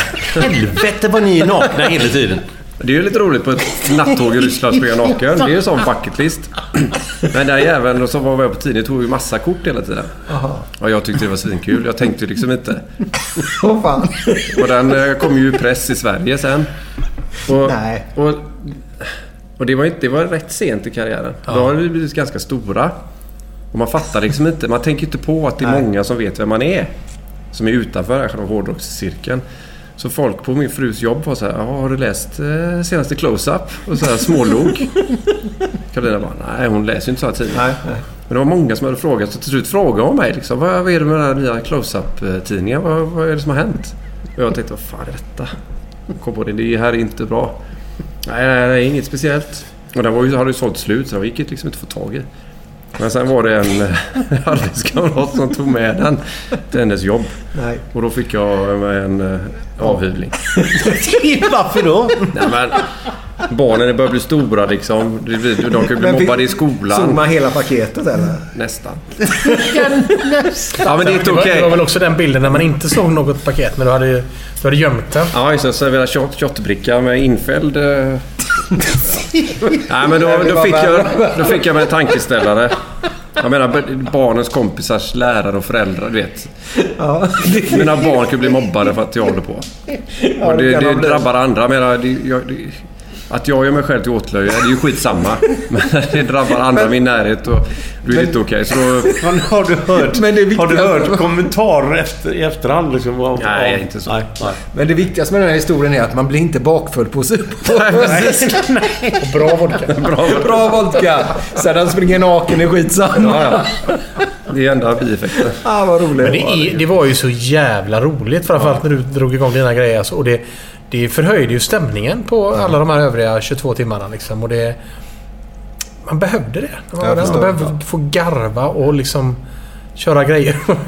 ja, det finns ju många incidenter som, eh, som har hänt. Och det, det, ja, det var fantastiskt roligt. Men det måste varit samma för er när ni var på träningsläger och gristräna. Man Ja, måste ju liksom hålla låda för att orka lite. Ja, ja, ja, ja. Så man gör det lite i Men det, överlevnadssyfte. Det, det är ju ändå så här att, att även om du spelar i... jag menar när jag kom tillbaka från Liverpool så började jag spela i Skogens IF. Division 4. Det händer ju samma saker i division 4 som det gör på Liverpool-nivå. Fast det är bara att vi är i USA med Liverpool och i, i, med Skogens IF. Då är man på träningsläger i Landskrona en helg.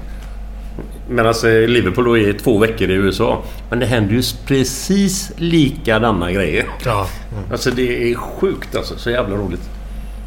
Och det är ju därför man håller på. Ja. Och det är samma med er. Jag menar med, med, med musiken. Fan, det är, ju- även om inte ni var lika många då. Men, eh, men vad fan, det händer ju grejer. Nej, man kan inte ta allting stenseriöst heller. Det blir ju Nej. svintråkigt. Nej, nej. Man måste ha roligt. Är, är det skillnad idag kontra då? På, på, det är ju mer pengar inblandat idag eller? Eller hur ser det ut? Med vårt gamla Ja. band så att säga. Nej, inte just ert band utan ja, musikervärlden överhuvudtaget. Nej, det beror nog på. Alltså det, det är väl kanske mer pengar. Det är mer eh, tydligt. Men det är också en sån här intressant grej som jag tycker med musiken. Att det har alltid varit något fult att tjäna pengar eller att tänka pengar. För det handlar ju om konsten. Vet. Musik, det ska ju vara gratis och tillgängligt för alla. Aha, okej. Absolut inte att tjäna pengar. Men, eh, men idag kanske det är annorlunda. Jag, jag vet inte. Jag tror väl fortfarande på att man ska göra det man diggar. Och då, då är ju pengar givetvis en viktig del av det. Men, Men är mer det lika mycket sekundärt. rock'n'roll idag? Det är det jag ska komma fram till. Jaha. ehm, Nej, alltså... inte sen vi slutade tror jag. Nej, men de okej. yngre banden... Vilket år var det Glenn? Ja. När de slutade? När, när slutade Peter? Ja, han slutade ju... Var inte det 94? Nej men seriöst nu. Han har berättat det två gånger hittills. Jag har ingen aning. 2016 var det. 2016. Ja, många av de yngre banden som kommer nu inom hårdrock i alla fall är, känns lite mer seriösa än vad vi var Ja. när vi började. De Var det- tränade. Alltså, vi, jag och Peter vi började träna sent. Gymmade och sånt. För att hålla igång. För att vi var Ah. trötta. Och de yngre banden, eh, många av dem, inte alla, men de känns lite mer måna om sina kroppar idag Ja. än vad vi var. Mm. Det är liksom inte lika coolt att dricka bärs som det kanske var. Alltså det, man är en annan, det, är- att vara rockstjärna är en annan sak idag. Ja. När man är yngre. Eh, än den gamla skolan tror jag. Den gamla skolan då. Rockstars-livet då. Det, är alltid den har varit... För oss som varit utanför. Det är ju den ouppnåelig till och med. Men när man är där. För ni, jag kan tänka mig Daniel, du skulle gärna vilja vara fotbollsproffs i Liverpool då till exempel då. Eh, och då också det här långa steget dit då. Men när man väl är där. Kan man njuta av det då? Man gör väl det sen efteråt. Alltså, det är alltid så när man är mitt inne i någonting. Man är ju van... Människan är ju ett van... eh, Alltså man vänjer sig. Man vill alltid till nästa steg hela tiden. Man uppskattar inte det man har. Om det så är. Det, det gäller allt. Så att det är ju först nu man tänker tillbaka som man riktigt tänker så här, fan vad är det man har gjort? När man är mitt inne i det så blir man liksom hemmablind och så. Fartblind. Samma med regla. Ja, jag håller med, jag håller med fullständigt. Absolut, absolut. Ja. Ja, Jag kan inte... Jag håller med. Sen får man rysningar ibland när man spelar, du vet. Eller när de sjunger... Uh, never walk alone. Ja, såklart. Men det blir, det blir ju också tyvärr en liten vana av det. Ja. För att man vill hela tiden framåt, uppåt. Sitter ni hemma ibland och tar fram gamla klipp när ni spelat och på någon konsert sådär? Alltså, det är väl mer om ungarna vill se. Så eh, kan jag tycka. Som Ja. jag gör det. Eh, nu var det ett tag sedan. Vi satt och kollade igenom massa videos. För något år sedan med jag och min pojke. Och, men eh, nej, men ibland gör man absolut Mm. grejer så. Men inte så mycket som man skulle kunna tro. Man har ju det mer som minnen liksom. Sen är det lite samma sak för, för barnen också. För dem var det inte... Hur tufft deras polare än tyckte att det var att farsan spelade med, med In Flames liksom. Så för dem var det, ja det är jättekul men pappa är borta åtta månader om året. Ja, just det. Även om det var kanske inte känslor de kunde greppa och uttrycka i ord. Så var ju det någonting som, som fanns med dem att eh, ja det är skithäftigt. Fast du har ju din pappa hemma varje dag. Jag har inte det. Och det är också sånt man tänker på. Så jag tror inte att det är för dem eh, alltid något eh, jättekul att tänka på. Utan snarare en Men, liten... men var de med på någon turné någon gång eller? Ja. Barnen? Absolut. Ja. Ja. det var de. Vad tyckte de om det? Uh, ja, men de tyckte det var bra. Men det, det var ju mest liksom så här, aha, fan, ja, nu ska du jobba. Okej, ja, då får jag sitta i en stol här då. Okej, när kan vi gå och käka glass då? Eller när kan Ja, vi kolla på den här filmen? Eh, min son var med på när vi spelade på Rock am Ring eller Rock in Park. Eh, stor tysk festival. Där var det typ så här 80 000 i publiken. Och så sa jag, men ska vi gå och kolla på Foo Fighters? Sa jag när de var klara. Nej, men han ville gå och lägga sig. Så han gick och la sig. Och så, så att jag lyssnade på Foo Fighters istället. Liksom. Så på den nivån, det var liksom inte något... eh, Det var mer, jag var med pappa på jobbet. Som vem som helst. För honom är det inte något stort eller häftigt på det sättet. Nej, utan det är nej, mer en... nej. eh, Ja, kul att få vara med mig och se vad jag gör. Liksom. Ja, men det är ju hans liv. Om man säger så. Det är inget... Det är ungefär som att ha en pappa som är brandman. Ja. Så... eh, Nej men precis och det, det ska man ju komma ihåg. Och det är ju det är sånt som kom ikapp oss lite grann tror jag när vi kände att vi ville göra någonting annat. Mm. Att man, eh, man missar hela den här... Jag, jag minns så jävla... När jag bestämde mig, det var så här i efterhand liksom, när jag egentligen fick in mitt huvud på eh, att jag skulle sluta. Det, det förstod jag i efterhand att det var när min fru skickade en bild på två av barnen på kanelbullens dag. Och jag var själv på ett hotellrum i Tyskland. Och då kände jag, minns, vad fan håller jag på med? Ja. Liksom, två lyckliga ungar som bara vill visa upp kanelbullar och jag satt där och ville inte gå ut och supa eller festa utan bara, nej, men jag går och lägger mig här på mitt... Så här. Och det var efter dagen jag hade slutat också. Att då, det var bara, ja, det var, då var det dags liksom. Fan vad det hade gett mig ångest Glenn.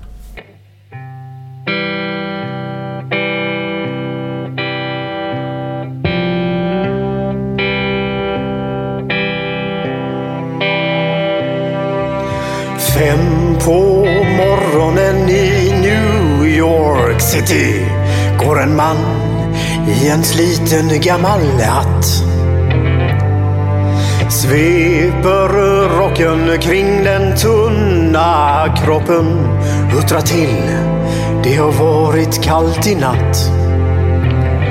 Ser en strumpa sticker ut ifrån hans sko. Vandrar vidare men utan framtidstro. Fem på morgonen i Hallonbergen står en kvinna med gråten i sin hals. Tittar håglöst in i morgonsolen. Hon är trött, hon har inte sovit alls. Två av fem miljarder människor på vårt klot. Men mot deras ångest finns det ingen bot. För de är ledsna för att de inte är från Göteborg. De kan inte se hur Gustav Adolf pekar på sitt torg. Det är inget fel på att vara etiop. Men inte riktigt rätt ändå, det vet de allihop.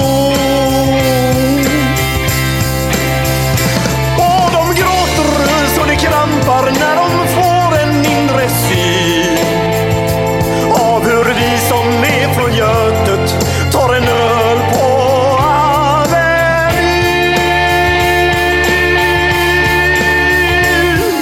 En fotbollskille får sitt genombrott och snackar proffskontakt med fem italienska klubbar. Ändå känner han att tåget har gått. En annan gubbe med en ollontusing och en latextjuva skriker ta mig röven gubbar. Men det ger honom inte något. Samma tomma blick och tårar salta smak. Om man frågar säger båda samma sak.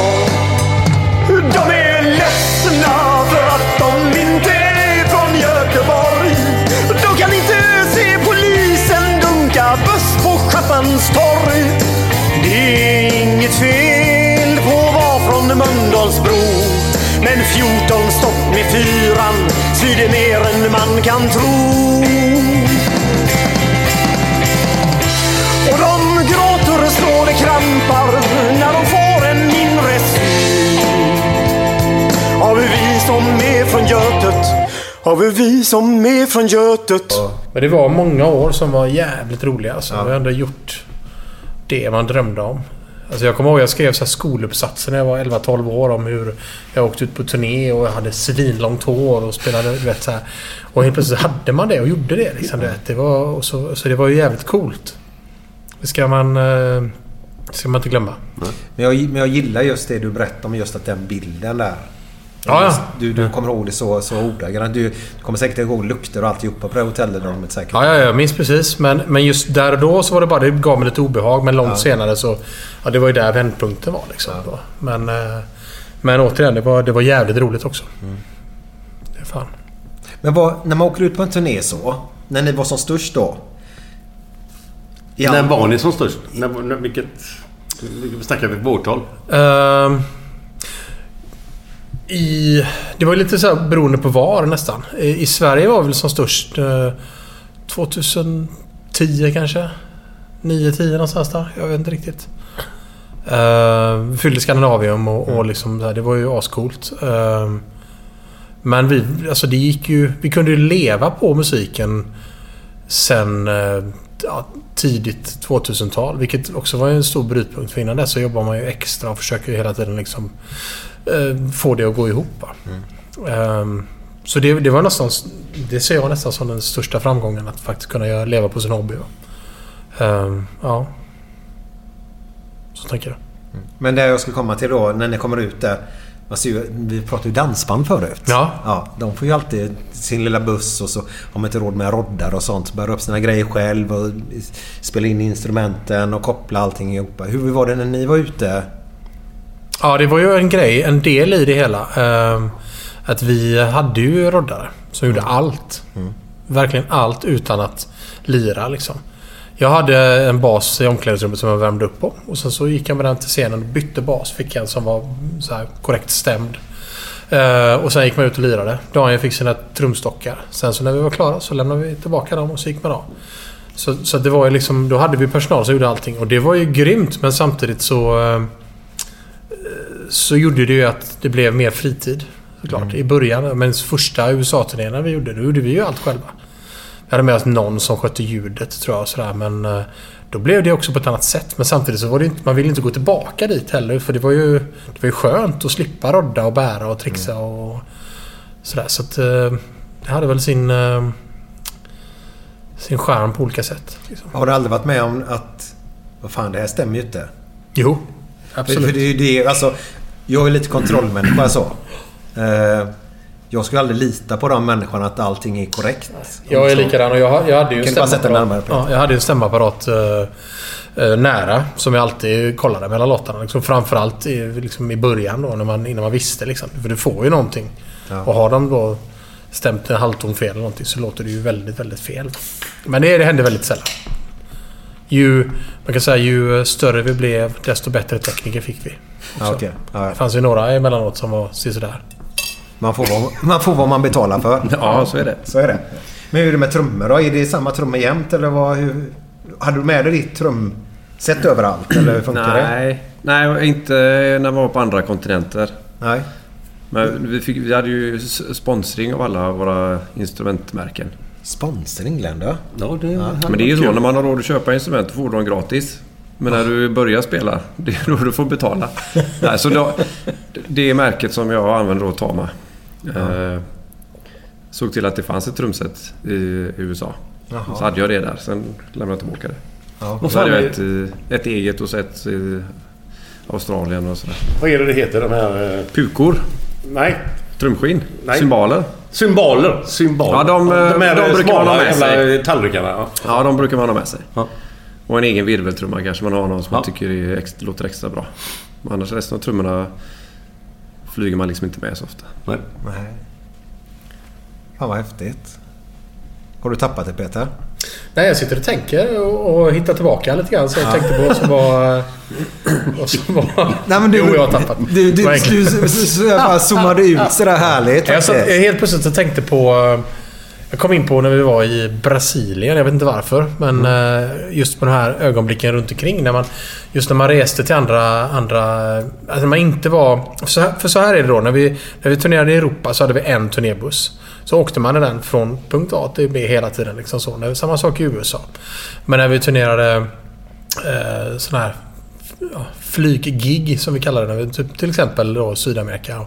Så flög man in, var där en dag och så kanske de åkte runt och gjorde massa sevärdheter och kollade runt sånt där. Och det, ja, jag, jag fastnade där bara. Jag kommer tänka på när vi var, var liksom i Brasilien och, och var ute och käkade gott eller när vi var i Colombia och åkte någon linbana upp på något berg och du vet. Så här, du vet ja, jag, bara, jag fastnade där. Jag vet Ja, inte varför. Men, men Skönt. ja, Men, vi, vi, vilket land var ni störst i utanför Sverige liksom? Det är svårt att mäta. Men Jo, Tyskland jo, men tror jag alltså- i sådana fall. Vad sa du? Tyskland, Tyskland, tror jag. okej. Är Tyskland så här hårdrocksband eller? Eller hårdrocksland? Tyskland är ett hårdrocksband. Eh, ja, men det finns ju... Slå mig inte vad det är. Bra namn ändå. Ja. Har du hört Tyskland eller? Ja, det är som Jävlar. Europe liksom. Ja, just det. Evrop som de heter. Nej men... Eh, Tyskland, ja det är det absolut. Och det var ju det. När, när In Flames började turnera så var det inte jättemånga band ute. På samma sätt som det var långt senare. Eh, då var det ju lite... Det är också någonting vi märkte väldigt mycket på många ställen. Att det var ju... När vi, när vi började åka, framförallt kanske så här Japan. Jag tror In Flames, vi var så här första, eller ett av de första extrema eh, dödsmetallbanden som vi ändå var då. Eh, som var i Japan. Men när vi kom tillbaka några år senare så hade det varit liksom... Så för då var det liksom, det hände någonting i stan ikväll. Vi går dit, alla går dit liksom. Ja. Men några år senare så var det konsert var och varannan dag. Mm. Så det blev vanligare och vanligare liksom. Och, och det var lite grann så det var egentligen på slutet också. Liksom, att vi, vi turnerade tre eller fyra gånger i USA per platta. Och eh, många av de eh, gångerna var på samma, i samma städer, på olika ställen kanske. Olika band som förband eller vi åkte förband. Men vi kom alltid tillbaka och det blev nästan lite som att folk började känna att vi går nästa gång. Ja, just det. Du vet, och det, ja. Känner man så om man säger när ni var i Skandinavien och spelade då? Alltså poet i sin egna hemstad som man inte kan bli. Mm. Som folk pratar om. Hur, hur var det ett utsålt? det coolaste som har hänt. Är det så? Ja, själva ögonblicket precis innan man går på scen. Mm. Och när man spelar. Och direkt därefter. För mig var det det. Absolut. Uh, dygnet innan var ju ett rent helvete. För Ja, att varför helt plötsligt har du mest kompisar i hela världen. Ja, och, alla vill ha biljetter. Alla vill ha biljetter. Alla jag gjorde en sån här grej. eh, Jag skulle måla om ett hus en gång. Så la jag ut på Facebook. Så sa jag fan. Välkomna måla om ett hus liksom. Annars så hörs vi till höst när vi lirar i Göteborg liksom. Det var, det var inte många som kom liksom. Det var väldigt, väldigt få som ringde om gästlistan den gången också.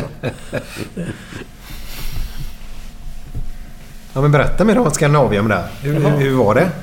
Ja, det är ju mäktigt. Det är lite ett kvitto också. Många har ju liksom... Liksom aldrig fattat vad det är man gör. Det har alltid varit så här lite klippt över och skaffa ett riktigt jobb. För ingen har riktigt förstått vad man har gjort. Sen skiter jag ju lite i det ändå. Men det har varit lite så ett kvitto. Liksom kolla vad vi har gjort själva. Utan att någon har hjälpt oss. Bara kört liksom. Det är coolt. Men hur känns det med, med kändisskapet som ni hade då? Har aldrig känt mig som en kändis på det sättet. Så även om man blivit Men igenkänd mycket. Men... Kunde ni gå på stan utan att någon kände igen er?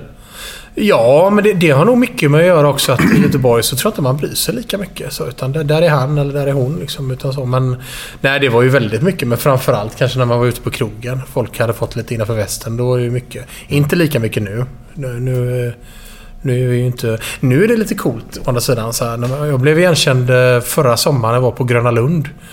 Du, fan, inte du, inte du han eh, Odd Island? Jo, sa jag. Jo, det är jag. Eller- ja, men då, då var det helt plötsligt, det var liksom lite tillbaka till början. Då var man inte igenkänd som basisten i In Flames. Utan nej, då var man, nej, nej. på grund av att vi byggt upp någonting helt nytt. Liksom.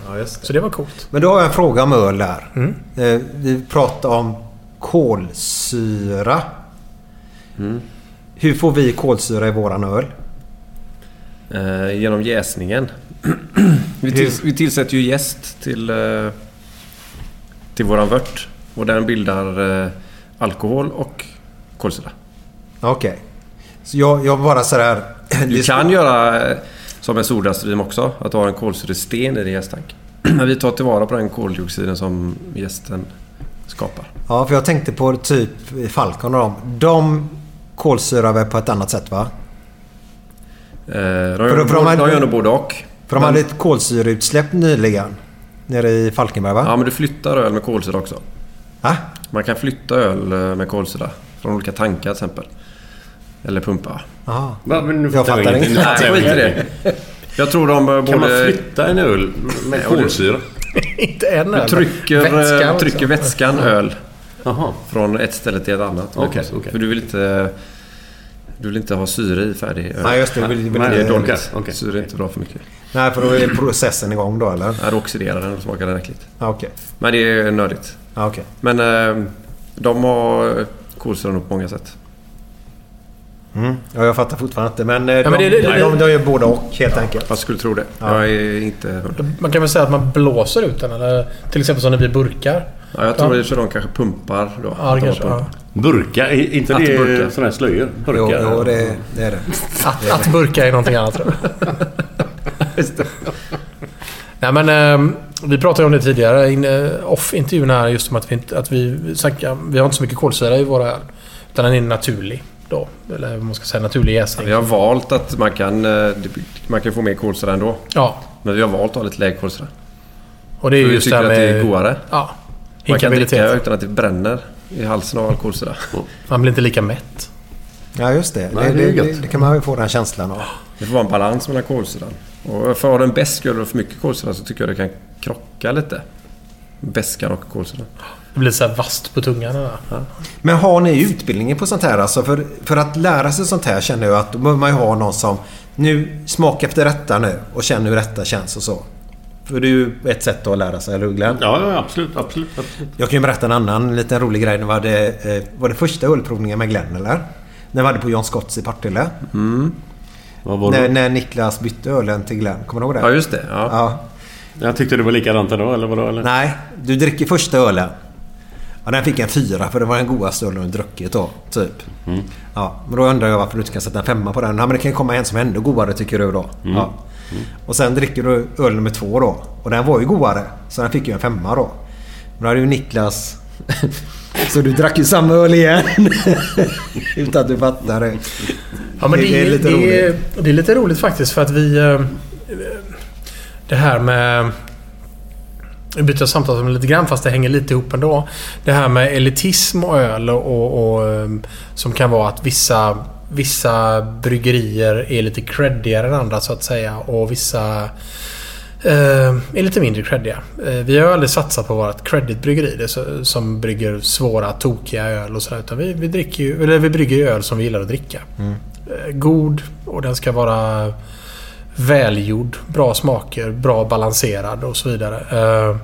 Men vi hade en, eh, en ölprovning på 2112 en gång med fem stycken olika bryggerier. Alla hade med sig varsin pilsner. Som de hade gjort.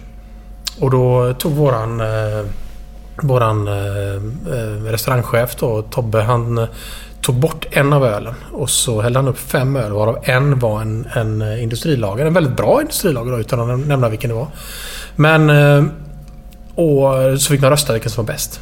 Och alla valde den här andra lagen då, vilket var intressant då för att de, just de som var där, där och då var de här som var lite så här, Det skulle vara... De hade in, redan innan hade de tippat varandras öl som den bästa och din är den bästa. Så, men när det väl kom till kritan så valde de en öl som man inte fick då, inom citationstecken, tycka var bra.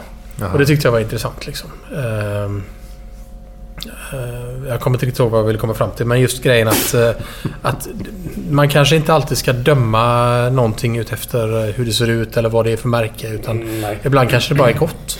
Vad det än är. Ja, men det var ju kreddigt där lite grann. Mm. Eh, sen, nu när vi släpper en öl med Glenn då. Mm. I kreddvärlden då. Hur mottas det? Ja, men det var lite det jag det var nog Det därför är jag... inte ett, eh, det minsta credit. Nej. Men det är ju, det är som Peter säger, vi skiter ju i det. Ja. Vi har ju redan gjort en resa med musiken. Det är samma sak där. Du får liksom inte bli för känd för då blir helt plötsligt musiken dålig. Även om det låter precis samma som du har gjort. Även om du inte har sålt de 10 000 plattorna extra. Ja. Så vi är liksom inte känsliga för det. Vi har redan gjort den resan. Mm.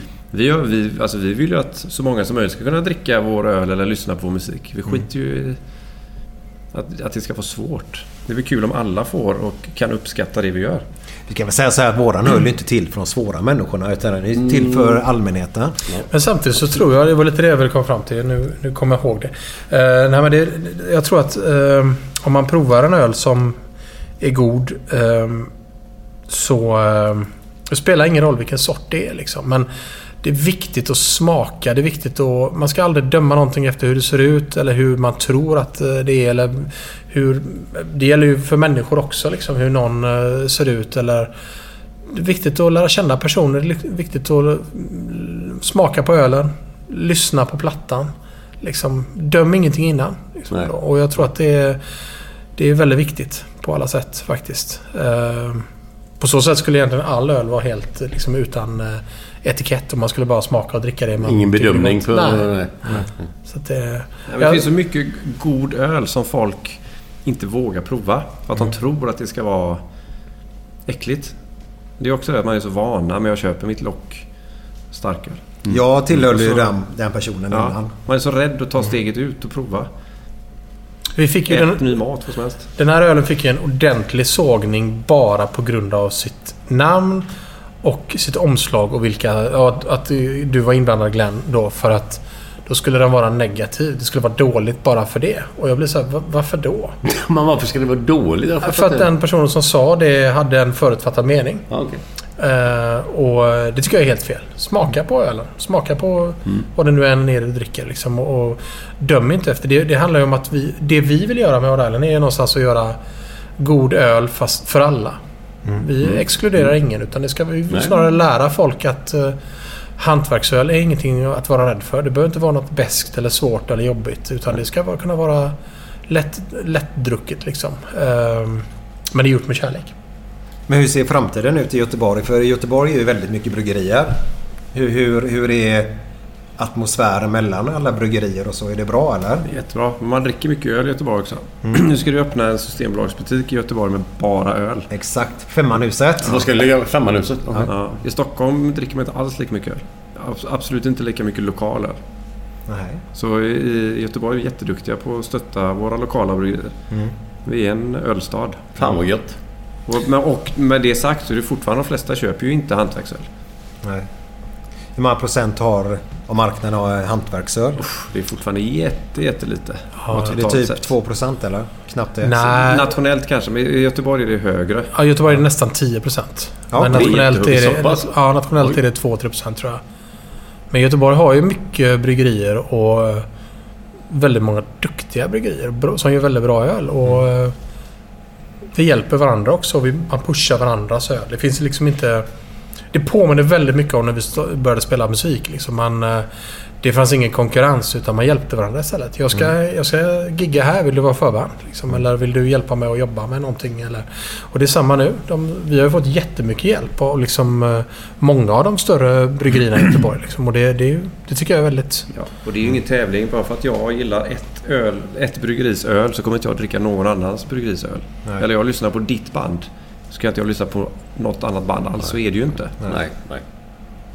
Det är ju inte som ett fotbollslag liksom. Men man bara in- har rätt. Utan, Nej. nej.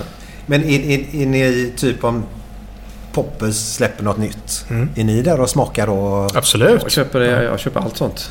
Älskar det. Jag vill att allt ska drivas framåt liksom. Att ölscenen ska bli stor. Och att vi kan utveckla den tillsammans och hitta på nya smaker. Och istället för att hålla hemlig låda liksom. Det hjälper ju ingen. Nej. Vi delar ju recept. Jag kan ringa en annan bryggare och fråga hur fan gör du här liksom, för att få det, det och det. Ja, Men får testa man- detta. alltså- och så Ja. by- utbyter man erfarenheter. Ja, men de är med på det då? Att de, de gärna Absolut. Delar med sig Ja. vad de gör? Liksom, Absolut. Men hade inte ni en tävling där ni skulle ge ut Cet- Cetra vinet? Eller? Cetra. Ja, Cetra. Ja. Eh, Skulle inte ni det receptet och skulle hemmabryggare få testa Jo, att brygga det? den är igång just nu faktiskt. Okej. Ehm, så det har vi. Ja. Men kan det receptet smaka olika vem som gör det då? Det, ja, det kan det. det, det nu ska inte jag prata för mycket om det, men eh, jag brukar alltid jämföra med om du eh, har gjort en grym chiligryta och så Ja. ger du Glenn receptet. Ja, så har ni det. olika kastruller, olika Ja, vissa. okej. Ni köper råvarorna på olika butiker kanske. Och Det kommer smaka gott, men på olika sätt. Jag vet inte om det, om det Ja, det är ju jätte- jätteskillnad. Det är så många parametrar mer än bara ett recept. det är samma om du får eh, notblad och ska spela Mm. Någon låt liksom på instrument så spelar vi det olika. Ja. Vi sitter i fingrarna lite så också. Men då är ju min fråga så här. Den här fantastiskt goda ölen då. Kan den smaka lite olika på varje batch man gör? Heter det så? Ja, det kan det göra. Eh, vi, kan vara så att en batch humle, vi får inte exakt samma som den innan. Det, det, det är väldigt många parametrar. Men det, det Ni skulle nog inte känna skillnaden. Nej, jag jag inte. känner nog Nej, kanske. Tror jag inte. Ibland. Ja, men du, du är där och smakar varje dag så. Ja, eh, men det, det är ju det som är charmen också att nu kommer en ny humleskörd här om några månader. Då kommer iporna smaka extra bra för all humle är superfärsk. Det är ju lite grann som, som, Till som exempel? eh, champagne och sånt då ja. Om, du förstår. Den smakar ju olika varje år.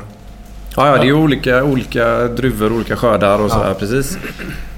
Eh, Men det, det är det de stora bryggerierna. De, deras, det de vinner på är att den smak, alltid smakar exakt likadant. Ja. Vi eh, hantverksbruk kommer inte kunna göra öl och vi vill inte göra det heller. Nej. Däremot så tweakar vi hela tiden. Ja. Vi försöker alltid få den att smaka lite bättre. Ja. Det är ju små, små förändringar hela tiden. Nästan i alla recept. Lyssnar ni på era kunder? Jag skulle Eller- vilja säga nej. Jag det? brygger ju inte själv, men jag skulle vilja säga nej. Nej. Utan snarare att man brygger utifrån sin egen, eh, sitt eget tycke och smak. Mm. Men Daniel kanske... Nej, det gör man kanske inte på det sättet. Det går liksom inte. Det finns ju inte en kund. Nej. Eh, nej. Där vi gör öl som vi tror på. Och det, det, det lönar sig längre. Det är precis, precis samma som vi gjorde musik. Musik som vi diggar att spela och kan lyssna på och som vi kan stå för. Det är precis samma med ölen. Vi, eh, vi hade ju... eh, Är det, är, det, är det svårt att göra en lager? Alltså finns det... Eftersom det är mindre smak i en lager, tänker jag. Är det svårare... Alltså om man missar någonting, smakar det tydligare då? Kontra en IPA? Ja, där det är mycket det. smak i. Ja, det är en IPA torrhumlar man ju. Man har jättemycket humle. Du kan dölja så här felsmaker mycket lättare än IPA. Ja, Vad heter det? Så du torr? Torrhumla. Man lägger i humle under jäsprocessen. Jaha. Det är som... Eh, tänk dig en tepåse med humle Ja, yes. ner i jästanken för att få extra arom. En lager är mer eh, naken liksom. Där är jäsningen som är viktig, att den går rätt till. Du kan liksom För, för, förut så var, gjorde ju nästan alla bryggerier IPA. IPA eh, kände jag det för fem år sedan i alla fall. Eh, Men nu känns det som att fler och fler bryggerier börjar gå mot lite lager och pilsner och testa det. Har jag rätt eller? Ja, är det är absolut. Eh, Det var, det var svårt att sälja lager och pilsner förut. Mm. Från hantverksbryggeriet. För kunden kommer alltid jämföra pris på hyllan. Ja, just det. De tänker inte att det är en industrilager och hantverkslager. De undrar bara varför den ena är dubbelt så dyr. Mm. Men folk har börjat inse att man får vad man eh, betalar för. Eh, Det vill säga med hantverk och tid och sådär. Och eh, handla lokalt. Det gör man också gärna nu.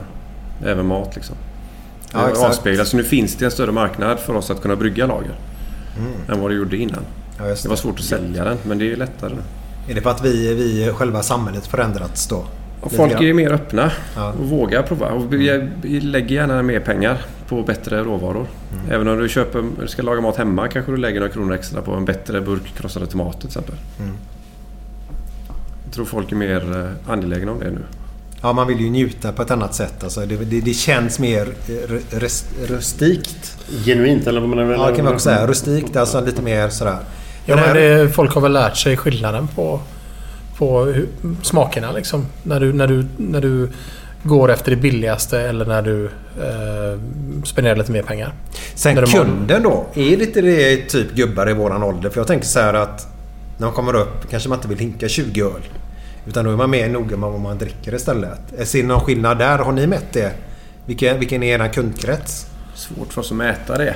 Ja. Men på krogen då? Kan man inte se sånt? Eller? Jo. Ja, det vet ju Peter som har krog kanske. Men det beror på vad det är för typ av krog Men, också. Ja. Nej, alltså jag skulle vilja säga att vi, vi är ju inte... Det är många av de här, tillbaka till det här med... Eller skitsamma. Det finns många hippa bryggerier så att säga. Som är, och de kanske är mer fräcka på en, en, ett ställe där en yngre generation finns. Men det är lite som alla trender. De kommer och går. Och vi har aldrig liksom valt att följa några trender. Utan vi gör stabil öl med bra smaker. Och, och lite tillbaka till det som, som frågade Daniel om förut. Om det smakerna förändras. Och det gör de ju. Men vi försöker ändå sikta på att hålla en, en, en jämn smakton på alla våra öl. Det ska inte smaka på ett sätt en, en batch och så helt annorlunda på andra. Nej, och det kan- funkar ju i längden Ja, antagligen. det håller ju längre. Precis. Så att, eh, nej men jag skulle vilja säga att eh, den yngre generationen är snabbare med att lära sig att kvalitet är bättre. Än vad, vad vi har varit i, i våra generationer. Liksom att, eh, jag, jag tror det. Jag, tror att, jag, ser, jag ser väldigt positivt på det. Det var ju mycket förut happy hour. Ja. var det. Oh, ja. Man letar ju bara billigaste ölen. Stor stark 19 spänn. Är det happy hour fick du två När var för det 19. 1971 eller? Ungefär. Nej, men det var ett tag där det var, det var ganska billigt där. Ja, ja. Efter 90-kraschen tror jag det var. Ja, ni kommer inte ihåg det? Ni får Nej, vi är för unga där. Precis. Eh, Då var jag ute och snurrade i alla fall. Nej, men absolut. Efter 90-kraschen, ja. Mm. Ja, men det, är, det, är, det är intressant med utvecklingen men... eh, kvalitet slår jag ett slag för vilken dag som helst. alltså. absolut. Glenn undrar lite, Daniel. När du står där och håller på och mäskar. Är du naken då? Vi har Jag har aldrig sagt det. Det är han som säger det. Vi har ju vissa hygienregler på bryggeriet. Det? Där går gränsen. Jag har hört rykten om Belgien och så hoppa hand i hand eller någonting. Vad, vad... Ja, ja. Nej, hoppa hand i hand har jag gjort många gånger. Ja, jag bröt ju foten en gång när vi hoppade hand i hand. Ja, det? De var inte så nakna. Nej, men vad hände i Belgien då? Nej, det var väl... Du tänker på... Uh, Krok i arm? Nej, Armgång. armgång tänker du nog på, ja. Kanske mycket möjligt. Ja, när man hängde i någon sån... Uh, du ser ju inte Naken? lyssna där. Ja. Ja, Okej. kanske. Typ. Lite grann. där det betydde någonting. Ja, men berätta nu alltså. Ni kan inte vara så jävla snurriga här nu. Ja, men det var en gång, eh, om det är den du tänker på, så var det en gång eh, när vi var på en festival. Återigen det här, vi hade spelat liksom och man var lite uttråkad och så var det ett stort... Stort tält, tänk cirkustältstorlek liksom. Och ena delen var ju full med fest liksom. Och andra delen var det avskärmat och det var ingen där. Då klättrade vi upp i någon ljusrigg tror jag eller någonting. Och började gå armgång. Liksom så här, så man liksom klättrade framåt med händerna och så... Med brallorna nere vid anklarna då. För jag tänkte vad kul det ska bli när vi kommer igenom... I den här, taket? Ja, i taket. Helt nakna. Tänkte vi. vi Ja, ja, ni- ni såg bilder framför er innan. Men vi kommer inte så långt utan för hela den här jävla grejen svajar ju liksom upp och ner. Jag kommer bara ihåg hur han, arrangören, kommer skrikande och springande. Så vi tänkte, då hänger man ju då två meter upp i luften, spritt språngande liksom. Och känner, fan nu får vi stryk liksom. Men han kommer så här. Nej, nej, nej! Ni kan skada er! Det, typ, det var jävligt roligt. Vad Kanske inte är så roligt härligt. nu. fan. Hur går det med din coronahosta då? Går Jo, det går bra. Ja, jag, ja, tycker jag har det. ingen hosta nu. Jag fick en precis i, i öronen. Här Fick du in i örat? Ja. Okej. Men jag håller ju för här hela tiden. Eh, Efter den här låten då som ni ska få önska nu då. Ja. De, de ska fuska. Ja. Ja, ska vi snacka ihop oss först? Så, så, så kommer eh, Glenn då med sina härliga, härliga historier då. Ja. Alltså, jag sitter ju mycket i bilen. Jag har gjort eh, många år nu då. eh, Och de andra i bryggeriet. Och då sitter jag och lyssnar mycket på P4. Det har väl med åldern att göra. Jag Ja, tycker ja, ja. den är trevlig. Liksom så här. Underbart. Och då brukar jag försöka ringa in och önska en låt. Jag kommer aldrig med. Nej. Och så vill jag alltid önska den till... För jag vet att de också lyssnar på P4 många gånger. Så, här, så jag brukar alltid önska... eh, Looking for Freedom med David Hasselhoff. Den vill jag höra. Looking for freedom. Ja, den känner jag igen. Med han i skådisen. Ja, det- det- Jag har tänkt så här... tänk-. Ja, så brukar jag alltid förställa rösten också och så säger jag att jag "Åh, tjena det är Kenny här och jag skulle önska en låt till mina polare ute på uh, Rhode Island. Här. här kommer den. Ja, den. God lyssning! Jag har aldrig kommit med. One morning was born a rich man's son. I had everything that money could buy, but freedom I had none. I've been looking for freedom. I've been looking so long.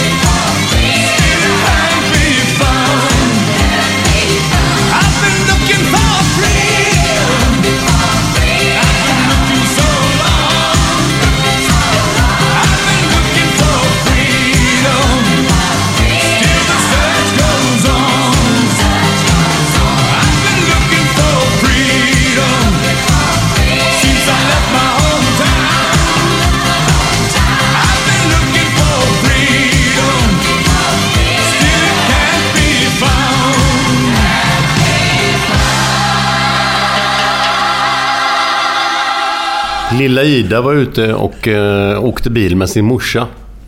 Så helt plötsligt så slår det in en stor jävla dildo i framrutan. Smack säger det bara.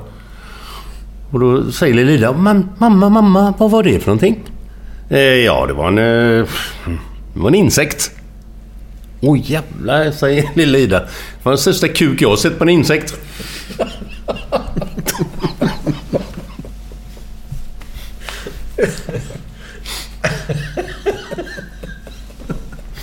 Ja, ja. Har du någon mer? Ja, kanske jag kan komma på någon till. Ska se här. eh. Jo, det var, en, en kille som kom upp till cirkusdirektören. Och sa han, jag kan härma fåglar. Ja, ja, ja. Det har vi många som kan, sa han. Nej, nej, nej. Skit i det. Okej, så tog han sin resväska och så flög han ut genom fönstret. Jag har hört Glenn Hysén, jag har hört David Lega att ni har suttit i kortegejuryn och där hände det något tydligen. Vad var det som hände? Ja, David, Nej, det, var nog, kan berätta. det var nog det mest pinsamma jag har varit med om hela mitt liv. Ja, Helt fascinerande. Är det det? det var, är det två år sedan? Tre år sedan? Jag inte. det är tre år sedan nu tror jag. Tre kanske. Höra. Vi satt i kortegejuryn tillsammans med några till. Ehm, Efter kortegen hade gått så ska vi ju sitta och bestämma då vilket, eh, vilken vagn vann och så vidare. Och sen skulle vi bara upp kort på scen, två minuter och meddela vem som vann. Det hade inte Glenn lust med alls. Så när vi gick upp där för att kort meddela vem som vann så säger Glenn Innan vi gör det ska jag dra en vits. Du känner igen honom eller? Och jag tänkte bara, det här kan ju gå precis hur som helst. Jag stod bredvid. Jag hade ingen mick. Han var ordförande. Utan, utan jag fick ju bara stå där och se glad ut. Var Glenn ordförande? Du fattar ju. Så han var ordförande i kortegejuryn. Säger jag ska bara dra en vits och ingen var speciellt sugen på att lyssna på Glenn. Och, dem. och i publiken hade vi Stefan Löfven. Vi hade... Han där? Han var där.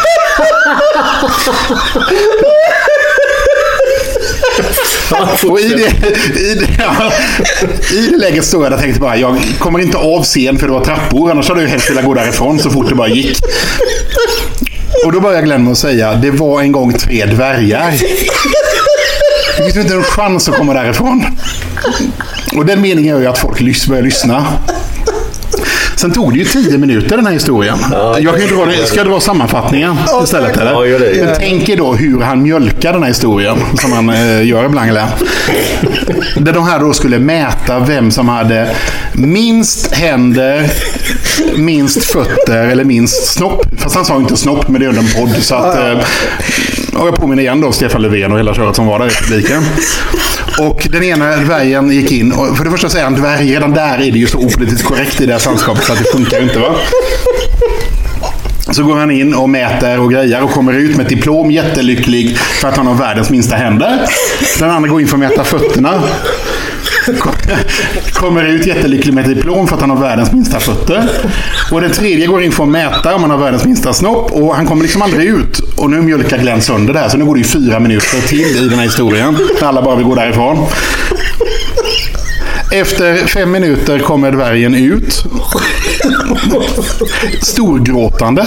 Utan diplom. Och då frågar alla, vadå, vadå, hade du inte världens minsta stopp? Och då står Glenn i det här läget framför alla de här människorna och säger, nej det hade jag inte. Vem fan är David Lega?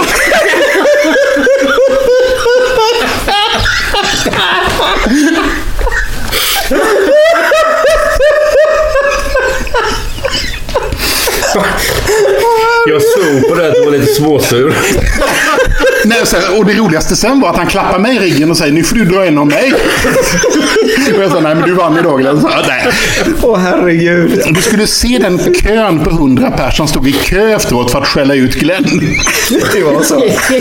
Ja, så var det. Ja, jag var väldigt säker.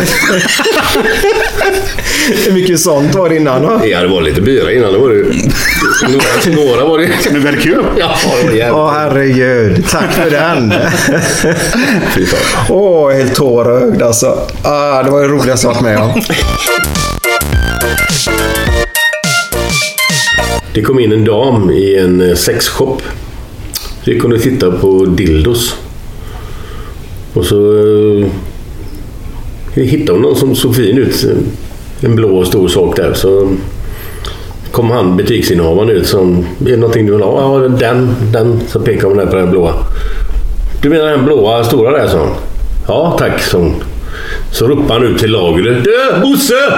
Det är en kärring som vill köpa din termos. Han sitter och väntar och hoppas vi ska skratta ännu Ja, mer. det är där med fake laugh. Ja. Glenn, du har tagit den redan. Jaha, det har jag. Okej. Ja, igen. Då? Tar vi den här. Det var, en, Gö- det var, det var en göteborgare som mötte kungen helt plötsligt i Stockholm. Så sa han grattis på namnsdagen. Så kungen sa vadå namnsdag? Det är inte Karl eller Gustav idag. Nej, men det är den 16. Det var ju bra. Den var bättre faktiskt. Ja, det bra. Ja, har du namn David? Ja, förlåt. Ja, men har jag någon? Ja, men jag gillar... Ja, men blondinen som går in på ett bibliotek och säger en Big Mac och Cola tack. Och då säger eh, han på biblioteket, ursäkta mig det här är faktiskt bibliotek. En Big Mac och Cola tack.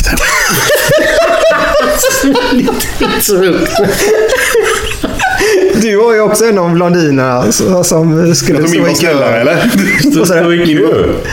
Ja, hon går ju fram och läser Ja, på ja, ja, ja, ja. Och den är gammal också. men nej, men det, kör nej, det var ju de, det stod eh, eh, 17 blondiner i en krogkö.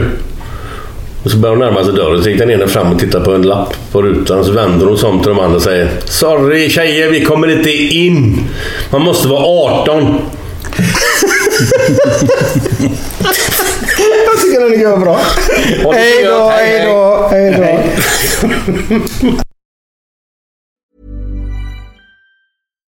Hi, I'm Daniel, founder of Pretty Litter. Cats and cat owners deserve better than any old fashioned litter. That's why I teamed up with scientists and veterinarians to create Pretty Litter.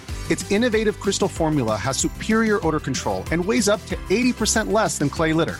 Pretty Litter even monitors health by changing colors to help detect early signs of potential illness. It's the world's smartest kitty litter. Go to prettylitter.com and use code ACAST for 20% off your first order and a free cat toy. Terms and conditions apply. See site for details. Even when we're on a budget, we still deserve nice things. Quince is a place to scoop up stunning high-end goods for 50 to 80% less than similar brands. They have buttery soft cashmere sweaters starting at $50, luxurious Italian leather bags, and so much more. Plus, Quince only works with factories that use safe, ethical, and responsible manufacturing. Get the high-end goods you'll love without the high price tag with Quince. Go to quince.com slash style for free shipping and 365-day returns. When it comes to your finances, you think you've done it all. You've saved, you've researched, and you've invested all that you can. Now it's time to take those investments to the next level by using the brand behind every great investor, Yahoo Finance. As America's number one finance destination, Yahoo Finance has everything you need, whether you're a seasoned trader or just dipping your toes into the market. Join the millions of investors who trust Yahoo Finance to guide them on their financial journey. For comprehensive financial news and analysis, visit yahoofinance.com, the number one financial destination, yahoofinance.com.